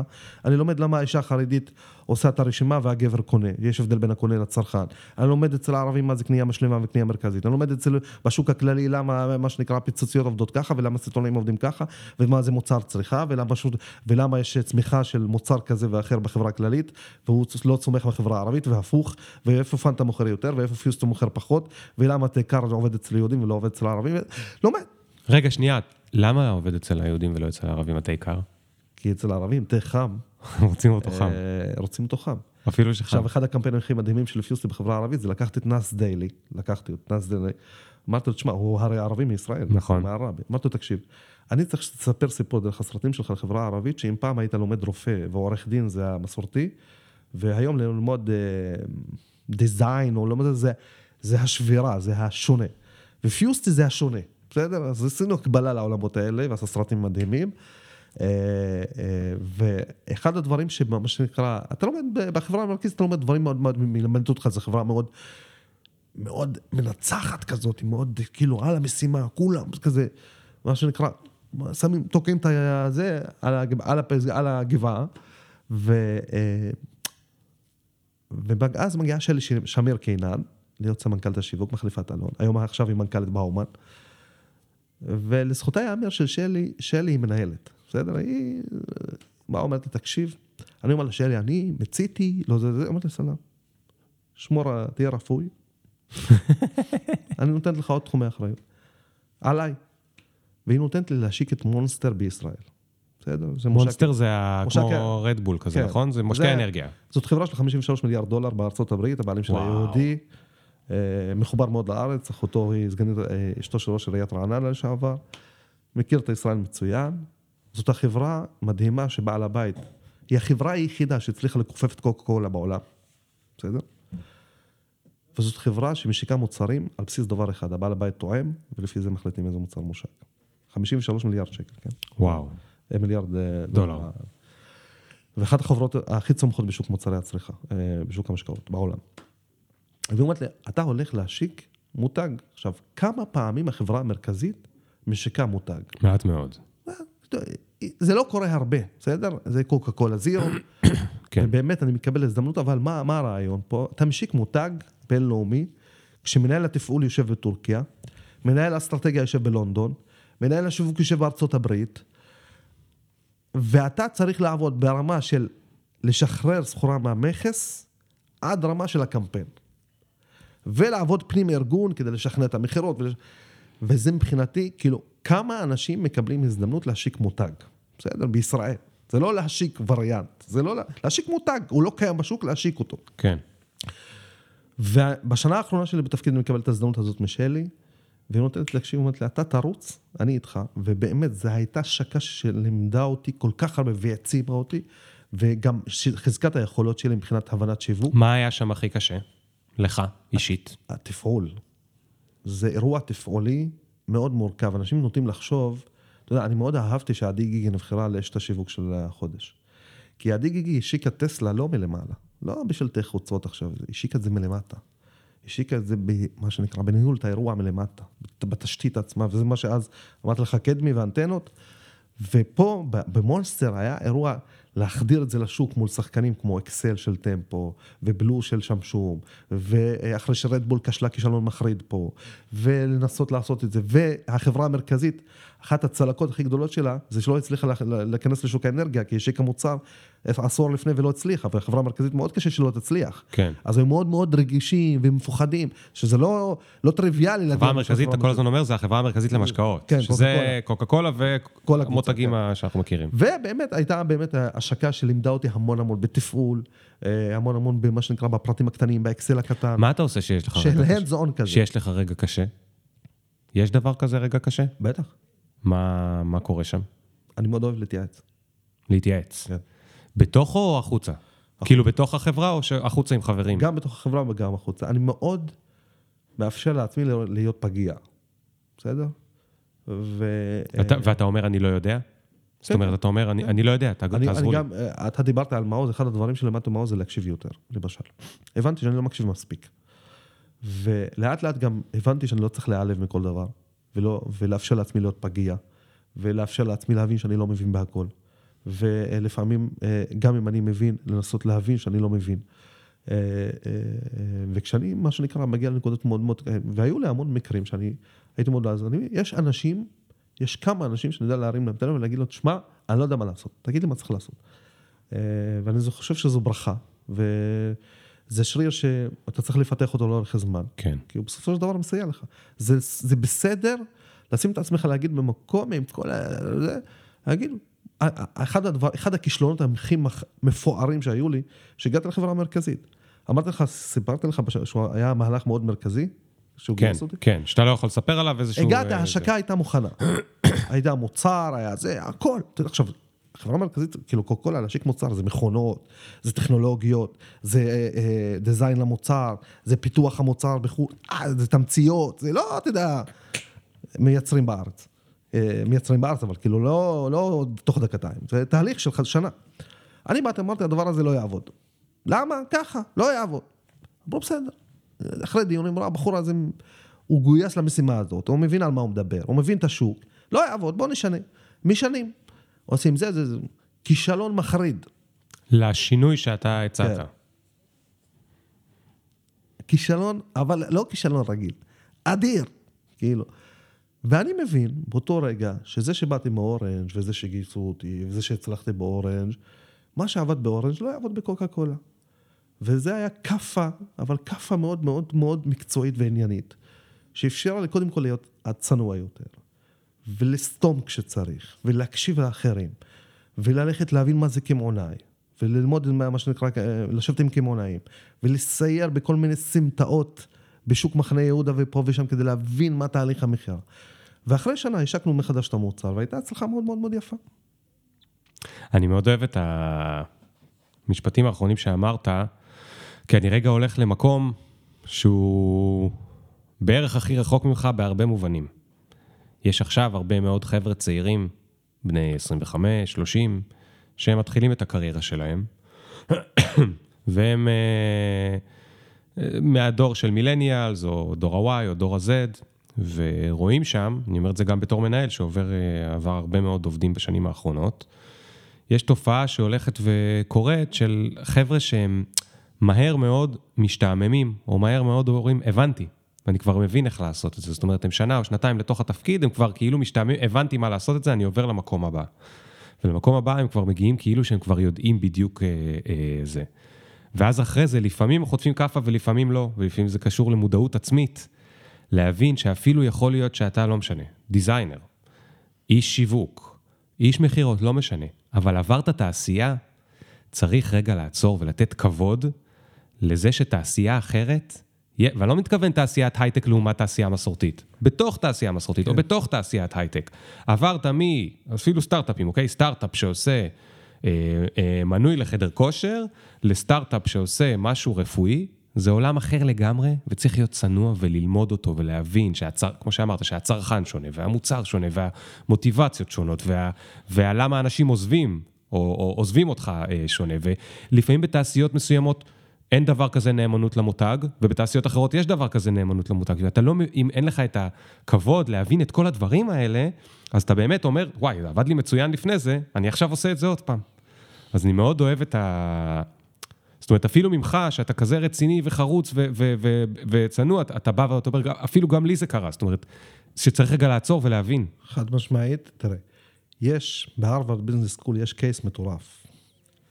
ה case מדבר על, לקחו חמש... case, אני אסביר מה זה, case study, את נכון. רוב הלימודים שם של מנהל עסקים עושים ב case studies, נכון. שזה אומרים, הנה חברה אמיתית וסיפור אמיתי שקרה להם, על ציר הזמן. חקרו אותו, על ציר זמן, כן, שנים. במאות עמודים, חקרו כן. אותו בדיוק יודעים. וזה פרק אחרי פרק, זה... זה למדנו אז במסגרת התוכנית של מעוז, וה case אומר, לקחו 500 חברות הכי גדולות במשק האמריקאי. אם אני זוכר אותו בדיוק כך. לאורך הזמן רצו להבין מי, א', השאלה הראשונה, מי הבן אדם המשפיע ביותר על החברה, על הביצועים של החברה, על התרבות הארגונית של החברה.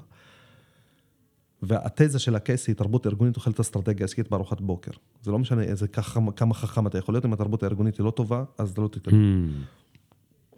ולקחו את 500 החברות הכי גדולות במשק האמריקאי וראו את האינדיקציה של הצמיחה שלהם, החוסן הפיננסי, אה, מה שנקרא האורך חיי העובד, כל מיני משתנים. והתוצאות, בסופו של דבר הביצועים והתוצאות. ומצאו שתי, שתי תשובות. זה קייס מלא, מלא על מלא, כאילו מלא עמודים. כאילו שמפרקים אותו גם לכמה הרצאות, וכל הזמן יש דיון בכיתה, והלוח מלא כזה, עם טוש כזה, אה, עם גיר, בסדר? ושאלו מי הבן אדם המשפיע על החברה, התשובה הייתה מאוד אה, בסיסית, המנכ"ל. אוקיי. אמרו, מה שלושת התכונות שמייחדים מנכ"ל לאורך כל המחקר הזה, אחרי כל התובנות של חברה מצליחה. עכשיו אתה שואל את השאלה הזאת, מה אנשים עונים? בטח אומרים חכם, או אינטליגנט, או זה, כריזמטי, יודע להוביל. הסיבה הראשונה, ענווה. ענווה, צניעות. כן, ענווה יותר מצניעות. צנוע זה, אתה צריך להתאמץ כדי להיות צנוע. ענווה, אתה נולד כזה. בסדר? הסיבה שתיים, רצון ברזל, בסדר? הסיבה השלישית, מקצועיות. שמה זה? אני לא זוכר את הדירוג, אבל... כן. אלה כן. שלושת הדברים האלה. כלומר, אתה לאורך הזמן מבין, בסדר? אחד, שיש דברים שאתה יודע שאתה יודע, יש דברים שאתה יודע שאתה לא יודע, יש דברים שאתה לא יודע שאתה לא יודע. והחלק, והיכולת להיות, מה, הרי הדבר הכי טוב ביקום זה להיות סקרן. הכי טוב. אין, אין יותר טוב מלהיות סקרן. ככל שאתה סקרן, אתה לומד יותר, אתה חכם יותר, אתה מדויק יותר. והניגודיות של הסקרנות זה לחשוב שאתה יודע הכל. כן. וככל שאתה מתפתח, וככל שאתה לומד, וככל שאתה טועה, וזאת זאת הסיבה שאמרתי לך, אני משתדל לתת לעובדים שלי לטעות. כי ככל שהם טועים, הם לומדים יותר. ויש דברים שהם לא מסכימים איתה, אז אני אומר, סבבה, אני איתכם. אם אתם חושבים ככה, רוצו. אבל ש- שיטעו ושידעו. ויכול שהם לא יטעו, ואני אדע, ואני אבין שאני טעיתי. וככה אני גם אלמד דרכם. וכמו שאני לומד מהאדם, הבן שלי, אני לומד מהאדם מה, הרבה דברים, על, על מה הם חיים, והוא בן ארבע, בסדר? אה, אה, ו- ו- ו- ובסופו של, של יום, אתה כאילו, אתה צריך לבוא ולהבין, חבר'ה, אני לא... בתי הקברות מלאים באנשים שחשבו שאין להם תחליף, הכל בסדר, בסדר, אני לא... כנראה לא, אני לא הכי איש הכי מוכשר בעולם, אבל אני לא הכי גרוע בעולם, היכולת שלי כל הזמן ללמוד ולהתפתח היא הדבר החשוב ביותר, וכדי שזה יקרה, אתה צריך להיות צנוע, אתה צריך להיות, אה, מה שנקרא, מסוגל להקשיב, ו... וזה זה, זה, זה הדבר החשוב ביותר באמת. כן, זה מקסים, אני, אני מאוד מאוד מאוד מאוד מסכים, ואני חושב ש... כשרואים אנשים לאורך, ה... לאורך הזמן מתפתחים, אז uh, רואים שהרבה, כאילו באיזשהו גיל, נגיד 35, 40, 45, אתה רואה התפצלות של שניים. אלה שלמדו את השיעור הזה, ואז הם הופכים כל שנה לעוד יותר צנועים ועוד יותר רק רוצים לייעץ, ואלה שלא הצל... אה, לא עברו את השיעור והם כבר מס... מבוגרים מדי כדי להשתנות, והם כבר החליטו שהם יודעים הכל וזהו, הם כבר רוצים ללכת ראש יש בקיר. משפט של הנביא מוחמד, שאומר, משפט ידוע באסלאם, שאומר, אתה מתבגר מעל גיל 40. כשאתה מגיע לגיל 40, זה המקום, זה הגיל שבו אתה מתבגר. מתבגר כאילו כמו גיל ההתבגרות. כאילו, כאילו, אתה מתחיל להיות בן אדם בוגר. כן, כן. בוגר במובן הרחב של המילה, כן? לא כן. בוגר, לא... טוב, מה עם גלובס? תשמע, אה, אני עוד מעט שנתיים שם. זאת חוויה שאין... אתה סמנכ"ל השיווק של גלובס. כן. גלובס זה העיתון גלובס או שיש עוד דברים של גלובס? לא, גלובס זה על כל הפלטפורמות שלו, יש את הגלובס בדיגיטל ויש את הגלובס פרינט ויש... אה, יש כנסים. לנו ועידות וכנסים, הכל מתכנס תחת אותו מותג, שזה מותג גלובס. כמה אנשים יש במחלקה? זה, עכשיו יש כמעט אה, חמישה-שישה אנשים, אה, אבל אני, אני, כאילו, אחד הדברים שאני תמיד מקפיד עליהם זה להיות מאוד מאוד יעיל בכוח אדם, זה שיווק צריך להיות שיווק מצומצם, בסדר? אם באורנג' זה היה 40, בגלובס צריך להיות, עם הזמן להתפתח, אבל בגדול זה צריך להיות תמיד, זה אנשים שהם מה שנקרא בן זון, לא עכשיו, אה, אני לא אוהב אינפלציה, לא אוהב כן. יותר מדי... אה, זה. כן, אה, שיווק צריך להיות מה שנקרא צבא חכם ומדויק. מדויק, כן. ואני חייב להגיד שהמעבר שלי לגלובס היה מעבר מאוד מאוד מאוד מוזר. לא ציפינו אחרת. מה שנקרא... מה קרה שם? חברה מרכזית כזה, כזה, לא הבינו את הזה. אבל זה, זה, זה, כל יום אני קם בבוקר, אחד, אחד המדדים שאני אה, בוחן כל הזמן, זה אם אני קם בבוקר לעבודה מבסוט. אתה יודע, כסף אתה יכול לעשות יותר, אתה יכול לעשות פחות. אני לא מכיר מישהו שיש לו 50 מיליון שקל, אז אוכל סנדוויץ' יותר גדול. אז אני לא מאלה שרודפים אחרי הכסף. כי בסוף, אתה יודע, חיים, החיים הרבה יותר זרזים ממה שאנחנו חושבים, וזה לא צריך להיות עני, אבל כאילו לא מעניין אותי להיות עם מיליונים בבנק, הכל בסדר. אפשר לחיות טוב ומשכורת טובה. ומה שמנחה אותי עוד מאז ימי אגודת סטודנטים זה לקום בבוקר ולהשפיע. וגלובס זה בדיוק המקום. זה ארגון, זה אתגר שיווקי מדהים לקחת עיתון של תעשייה ישנה ולהפוך אותו למשהו חדשני. זה אתגר אה, של העיתונות בכלל, בסדר? אה, אחד המשברים, אחד ה- הגורמים המכוננים באמון הציבור במדינת ישראל ובכלל בעולם, לאור כל הנוס- הטרנספורמציה הדיגיטלית והטכנולוגית, זה, ה- אה, זה המדיה, זה העיתונות, בסדר? כן, כן. אה, אז יש בו אתגר ערכי מהמעלה הראשונה. איך, איך, איך העיתונות שורדת את, ה, את המעבר הזה? תראה, המעבר לדיגיטל פתר את כל הבעיות? לא יכול להיות. המעבר לדיגיטל הוא היה, כמו שהוא הקשה על העיתונות בהכנסות מפרינט, הוא היה ההזדמנות של העיתונות לגדול בעולמות של uh, הדיגיטל. Uh, הוא ההזדמנות, בסדר? וגלובס אה, יחד עם כמה בודדים של גופים בארץ אה, שיש להם חומת תשלום היום. אה, לנו יש גם את האפשרות... אה, חומת תשלום זה אומר שאם אני לא משלם, אני לא יכול לקרוא. כן, אתה אולי שתי כתבות. בחינם בחודש, אבל אה, צריך לעשות... שצריך. להגיד ביושר, ניו יורק טיימס התחיל את זה בעולם והגיע נכון. למיליונים של אה, מנויים. נכון, הם היו מאוד אמיצים. אנחנו, כן, אנחנו, אה, אה, יש משפט מאוד יפה, לא זוכר באיזה סדרה זה היה, שאומר, אם אתה, אה, אם אתה, מה שנקרא, איך המשפט? אם אתה משתמש, בסדר? אם, אם אתה לא הלקוח, אז אתה, אתה מה שנקרא, אתה... אה, אתה הפרסומת, כאילו. כן, כאילו, עליך אתה- עושים את הכסף. בדיוק. אה, לא זוכר את המשפט. אה, אה, אה, אם אתה לא משלם על המוצר, אתה המוצר. בדיוק, אם אתה לא משלם על המוצר, אתה המוצר. וגלובס קיבל החלטה אסטרטגית, הוא אומר, חבר'ה, אני רוצה שהצרכן, בסדר? הק- הקורא שלי, זה המנוי, זה הצרכן, אליו אני מחויב. אני רוצה לתת לו את המוצר הטוב ביותר, אני רוצה לתת לו מוצר איכותי, אני רוצה לתת לו מוצר שהוא מהווה עבור גם כלי עבודה, אני רוצה לתת לו מוצר מאוזן, בסדר?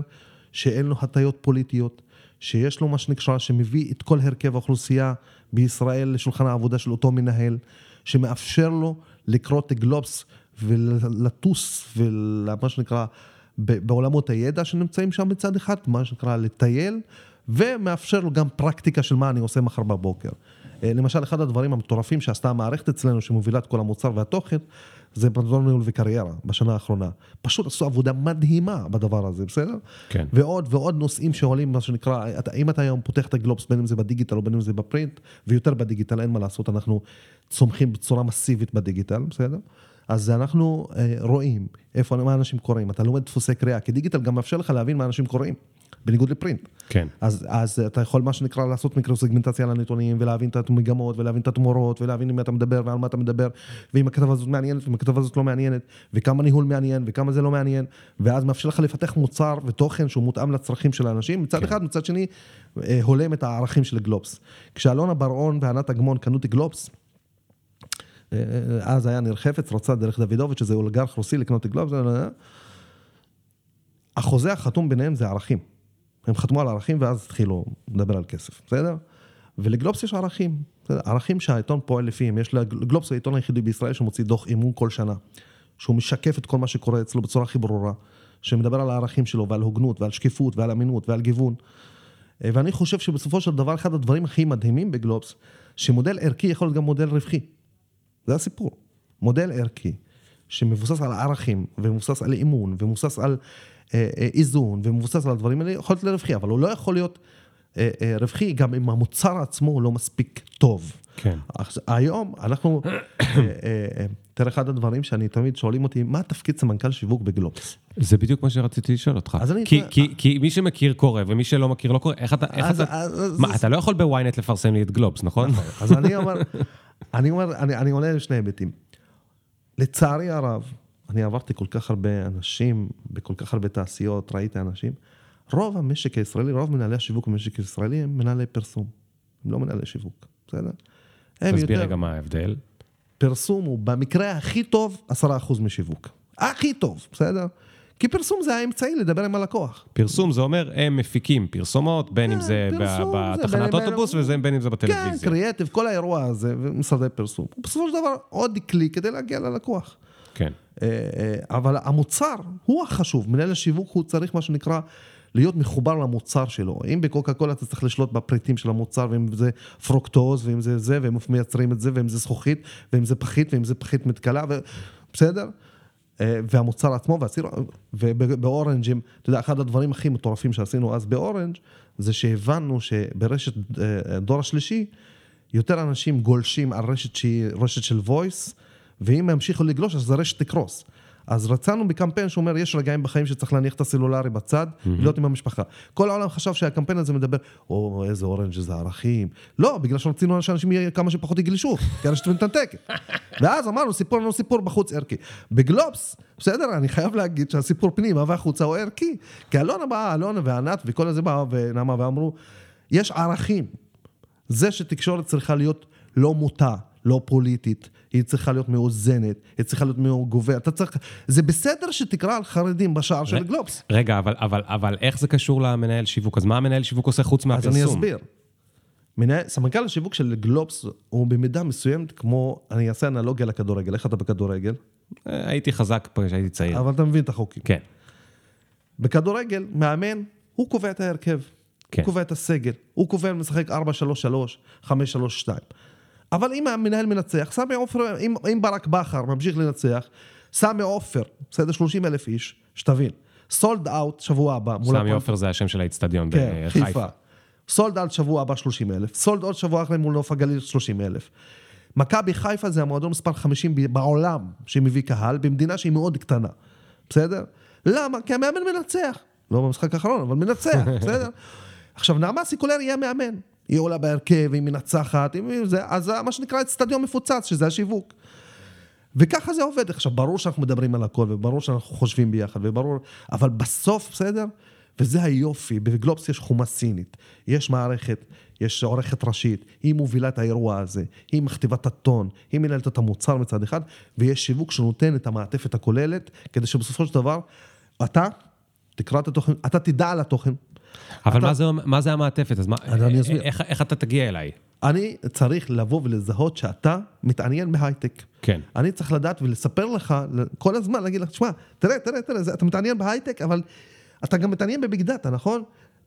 תראה, תראה את הכתבות על big data. אתה גם מתעניין בפודקאסטים, תראה את זה, וכל הזמן, מה שנקרא, לספר לך את הסיפור, כדי שבסופו של דבר לעשות מנוי. אתה עושה מנוי, אוקיי. אני צריך לקבל אותך כמו שצריך, לעשות לך welcome, שאם אתה השתעממת בשבוע הראשון, לנהל איתך דיאלוג, Mm, נניח רבנו, אחרי ארבעה חודשים שאתה מנוי, אתה הלכת לישון בחוץ על הספה, אני צריך לבוא אליך ולהגיד לך, תשמע, ובוא רגע נדבר, לנהל את מסע הלקוח שלך. עכשיו, מנהלי שיווק ישראלים תמיד אוהבים להגיד שני דברים, אסטרטגיה ומס- ו-customer journey.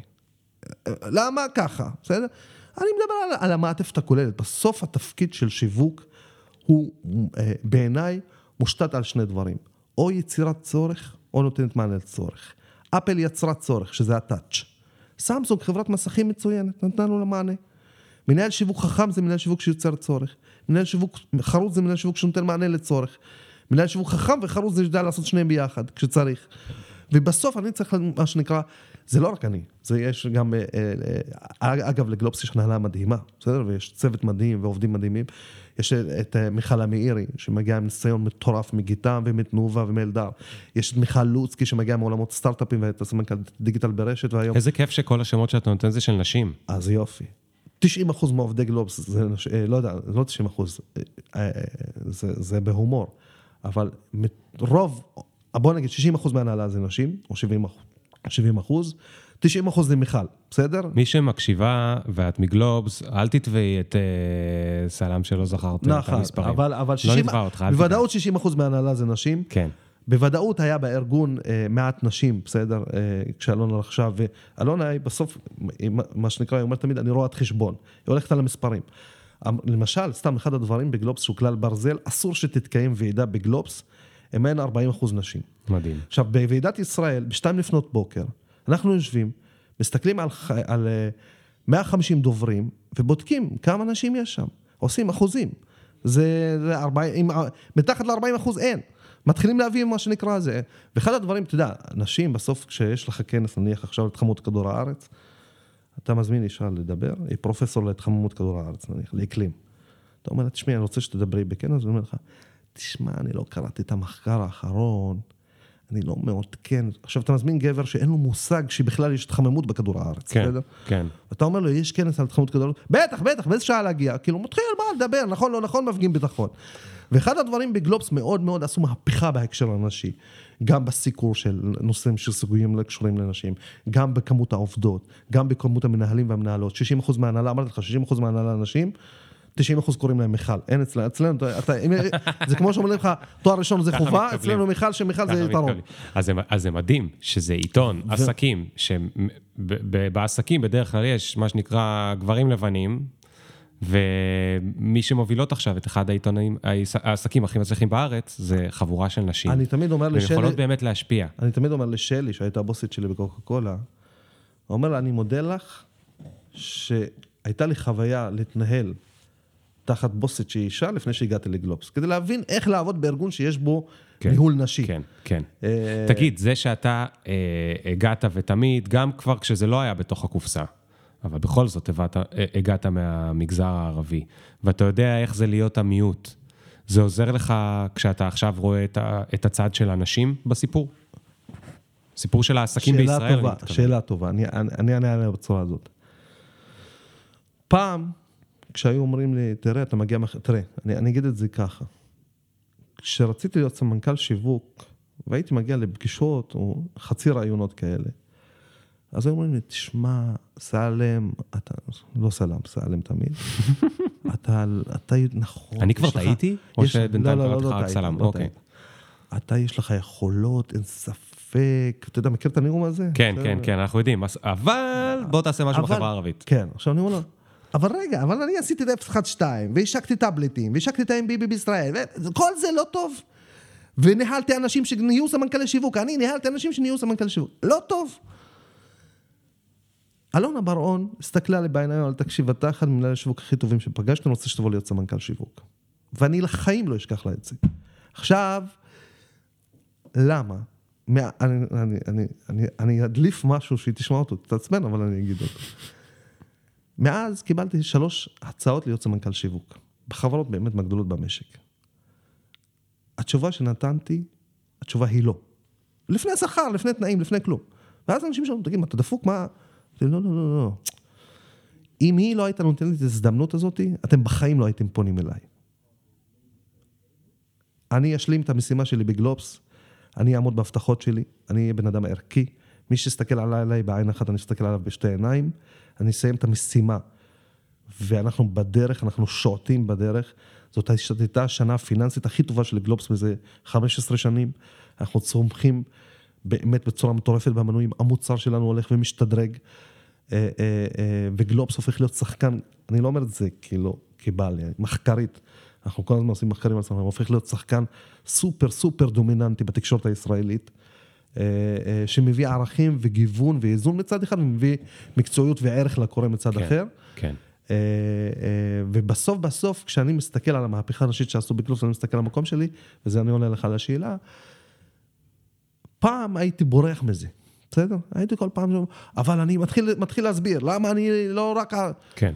היום אני מאוד, מאוד גאה בזה במובן הזה שאני אומר, נכון, אני מבין את הצרכים של החברה הערבית, היתרון העצום שלי זה שאני ניהלתי מגזר חרדי בקוקה קולה, ניהלתי מגזר רוסי באורנג', יודע, יודע איפה, למה הרוסים נמצאים בבת ים, ולמה בבאר שבע, ולמה בנצרת עילית, בנוף הגליל, ויודעים שיש, לא יודע למה יש שם סבתא וכלב בכל בית, ויודע כמה הם צרכני תרבות, וניהלתי את המגזר החרדי ויודע להבדיל בין ליטאים לחסידים, וחסידות גור ולא יודע מה, ולא יודע מה שנקרא, וצרכנות וזה, ומכיר את החברה הערבית ומכיר את השוק הכללי, והעוצמה שלי, שאני מכיר את ארבעת השבטים בישראל.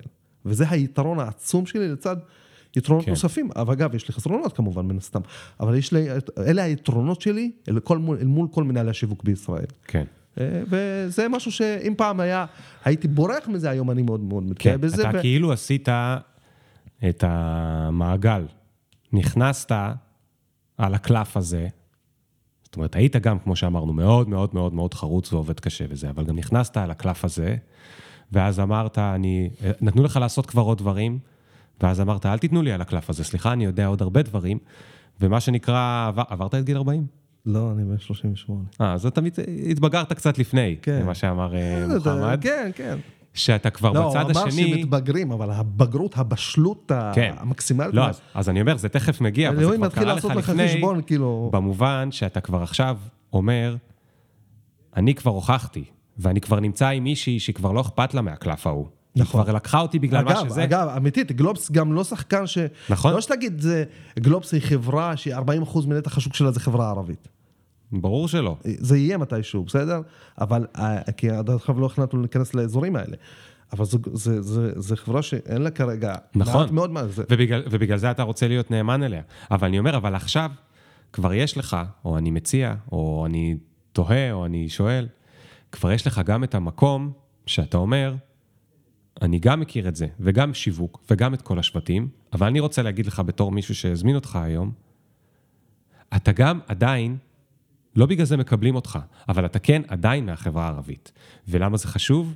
כי הסיפור שלך התחיל בזה שהיה לך אומץ לעשות הרבה דברים של אה, ילדים ונערים בכלל, לא רק בחברה הערבית, בהרבה חברות כן. שהן יותר אה, אה, אה, חלשות בחברה הישראלית, אבל גם אצלך. מוחלשות. היה לי, מוחלשות, סליחה. אה, נכון, זה זה חשוב מאוד. היה לי דוד כזה ואח כזה ו- ובן דוד כזה, והיה לי רול מודל להסתכל ולהגיד, גם אני יכול. ואתה פה היום, ואני נהניתי ממך משני הצדדים. אחד, היית רול מודל. זאת אומרת, סיפרת להם, לי היה אח וזה וזה וזה, לכם אולי יהיה אותי, הנה, תראו, אני הרא- הראיתי לכם, אפשר. תתאמצו ותעבדו קשה וזה, אפשר. ותצליחו, ותסתכלו, עכשיו הם צריכים להסתכל גם עליך. זאת אומרת, בשביל זה הבאתי אותך גם לפודקאסט, כדי לעשות את הדבר הזה. ותוך כדי הפודקאסט, מה אתה הוכחת לי, כאילו בצורה מאוד מטה, שבלי קשר לזה שהבאתי אותך בשביל זה, גם לימדת אותי הרבה על עסקים, ועל כל הדברים שהם לא הקלף הזה, וזה כאילו מאוד סימבולי לכל הסיפור שלך, ואני חושב שזה נה- נהדר, ואני חושב שזה, אפשר ללמוד מזה אה, המון, וזה כל כך כיף. אנחנו לא כל כך מכירים, ואני אני לא, לא בטוח שהיה לך אי פעם זמן לשמוע את הפודקאסט הזה, או זה, קיבלתי שמעתי, עליך המלצה, שמעתי, כן. קיבלתי המלצה חמה מחברה משותפת שלנו, שחיברה אותנו. ו... אבל הרבה מהאג'נדה של הפודקאסט הזה היא גם איך אנשים שהם לא, נקרא לזה, קיבלו את זה בקלות, יכולים לעשות דברים יותר גדולים. אנחנו מדברים הרבה מאוד על המילה מסוגלות, להאמין שאני בכלל יכול. הסיפור שסיפרת על, ה... על הבחור שנתן לך את ההזדמנות באורנג', סליחה שאני לא זוכר אלי את השם. גליקמן. כן, גליקמן. נתן לך את ההזדמנות, אנחנו מדברים על זה הרבה מאוד פה, זה שמספיק בן אדם אחד שרגע יאמין בך, וזה יכול לשנות לך את כל מסע הקריירה. חד משמעית. והנושא זה של... ההזדמנות. והנושא של אה, אה, גיוון והכלה, והנושא של אה, אה, נשים שאנחנו מדברים, מדברים עליו פה הרבה, וזה סיפור כל כך אופטימי בסוף, זאת אומרת, גלובס, גלובס, בסדר, אני לא באתי לעשות פרסומת לגלובס, אבל זה שיש כרגע חברה, שהיא, א', היא בתקשורת, זאת אומרת, זה לא רק שהיא חברה פנימית, היא כן. גם חברה שיכולה להשפיע החוצה, חד לא רק. על עצמה, ועושה לא זה רק על מדד הרווח. והחברה הזאת, יש בה רוב אה, נשי. וברוב הנשי הזה, הם לקחו אותך להיות סמנכ"ל השיווק מהחברה הערבית, לא בגלל שאתה ערבי, שזה בדיוק להוכיח ש... אה, אל תיקח אותי כי אני אישה בשביל לעשות כן. זה לא אה, הביז- אה, בוא משהו נגיד, זה לא- מתקן. לא בייס המנויים אני- כי- קח אותי סתם כי אני טובה. כן. אה, או יותר טובה, או הכי טובה, וזה זה, זה בעיניי אה, אה, סיום מקסים לפרק. אז תשמע, יש לנו עוד הרבה על מה לדבר, אבל אנחנו הגענו כבר לשעה וחצי, זה כנראה יהיה אחד מהפרקים הכי ארוכים שהיו, ואני לא יכולתי להפסיק, כי היה לי אה, מרתק וכיף, וגם, אתה בן 38, אבל יש לך הרבה ערכים שהם הולכים ומתמעטים, ואני גם חושב שכדאי, יש גם הרבה צעירים שמקשיבים לפודקאסט, כדאי להזכיר אותם. נאמנות למקום עבודה, בסדר, לא אמרת שנשארת במקום 20 שנה. לא, אבל, אבל- יש נאמנות אבל- למקום אבל עבודה. קיבלת הזדמנות. ויותר מזה, נאמנות לבן אדם שהלך והימר עליי. נכון. וצעירים היום לפעמים מקלים בזה ראש. מישהו בא והימר עליכם, מגיע לו איזשהו מינימום, ש... לא, אתה יודע מה, זה דעה שלי, אבל זה רק הדעה שלי. אה, לא, זה, נאמנות. זה, זה, זה, זה לא רק שזה מגיע, תראה, בסוף, בסוף, אנחנו אנשים. אנשים שוכחים שני דברים, שכשאתה חוגג יום הולדת, זה אומר ששנה עברה. בסדר? והחיים מתקדמים, והחיים לא, לא כאלה ארוכים, בסדר? אז אתה צריך לזכור, בסוף אדם הוא סך כל זיכרונותיו. ואתה צריך לזכור שבסוף תוכל לעשות כסף, תוכל לעשות משהו, בסוף החוויות האלה שנצרבות איתך, הן החוויות שאתה הולך איתן. ואני מכיר מנכ"לים, באמת, מכיר מנכ"לים שהרעידו את הארגון, בסדר? והיום יושבים כזה, אתה יודע, ומכיר מנכ"לים שמאוד אהבו אותם בארגונים, והיום אתה כל הזמן מתקשר אליו, את כל... אבל הם אנשים, בסוף, מנכ"ל הוא בן אדם גם בודד, בסדר? צריך לזכור את זה. ובסוף יש, כשאתה מסיים תפקיד, או כשאתה מגיע לאיזשהו גיל שאתה כבר לא, המשק לא, לא מת עליך, אתה צריך לזכור שהשארת אחריך אנשים שמאוד מאוד אהבו אותך. כן. ואם אני בן אדם שנתן לי הזדמנות, לא אחזיר לו במינימום הנדרש של לתת לו את הביצועים ואת התוצאות ואת החוויות ואת ההצלחות שהוא מצפה ממני, אז איזה... תשמע, אני, אני אגיד את זה, לא רוצה להיות בן אדם חרא. כאילו, אני יכול להיות בן אדם טוב, כן, לא? כן. בגלל זה קראתי אגב לבן שלי אדם, אני ואשתי. אז אני ואשתי הייתה בינינו חלוקה. אומרת לי, תקשיב, אם זה בן ראשון, מה, מה אנחנו קוראים לו? אמרתי, אני רוצה אדם, אמרתי, אתה תקרא לו, אם זה בת, בהמשך אני אקרא לה, אמרתי לה, אם זה בן או בת, אתה תקראי לו. אבל כאילו, איך יקראו לבת? אה, מותר לך אה, להגיד? עכשיו יש אה, עוד חודש אמור להגיע עוד בחורצ'יק, אה, אבל היא מקבלת החלטה עכשיו איך שיהיה תקרא. מזל, שיהיה מזל. בוא- אומרים, איך שלא אומרים. בוא נגיד את זה ככה, אמיתית, גם בבית אני סמנכ"ל. כלומר, כלומר יש מנכ"לית. כן. גם שם המנכ"לית אישה, כל הכבוד. טוב, אה, סלם, סתם, סלם, כן. היה ממש כיף. אה, תודה רבה. וזהו, תמשיכו לנסוע בזהירות בפקקים, ולזכור שכולנו אנשים. זה אחלה דרך לסיים את הפרק. יאללה, ביי.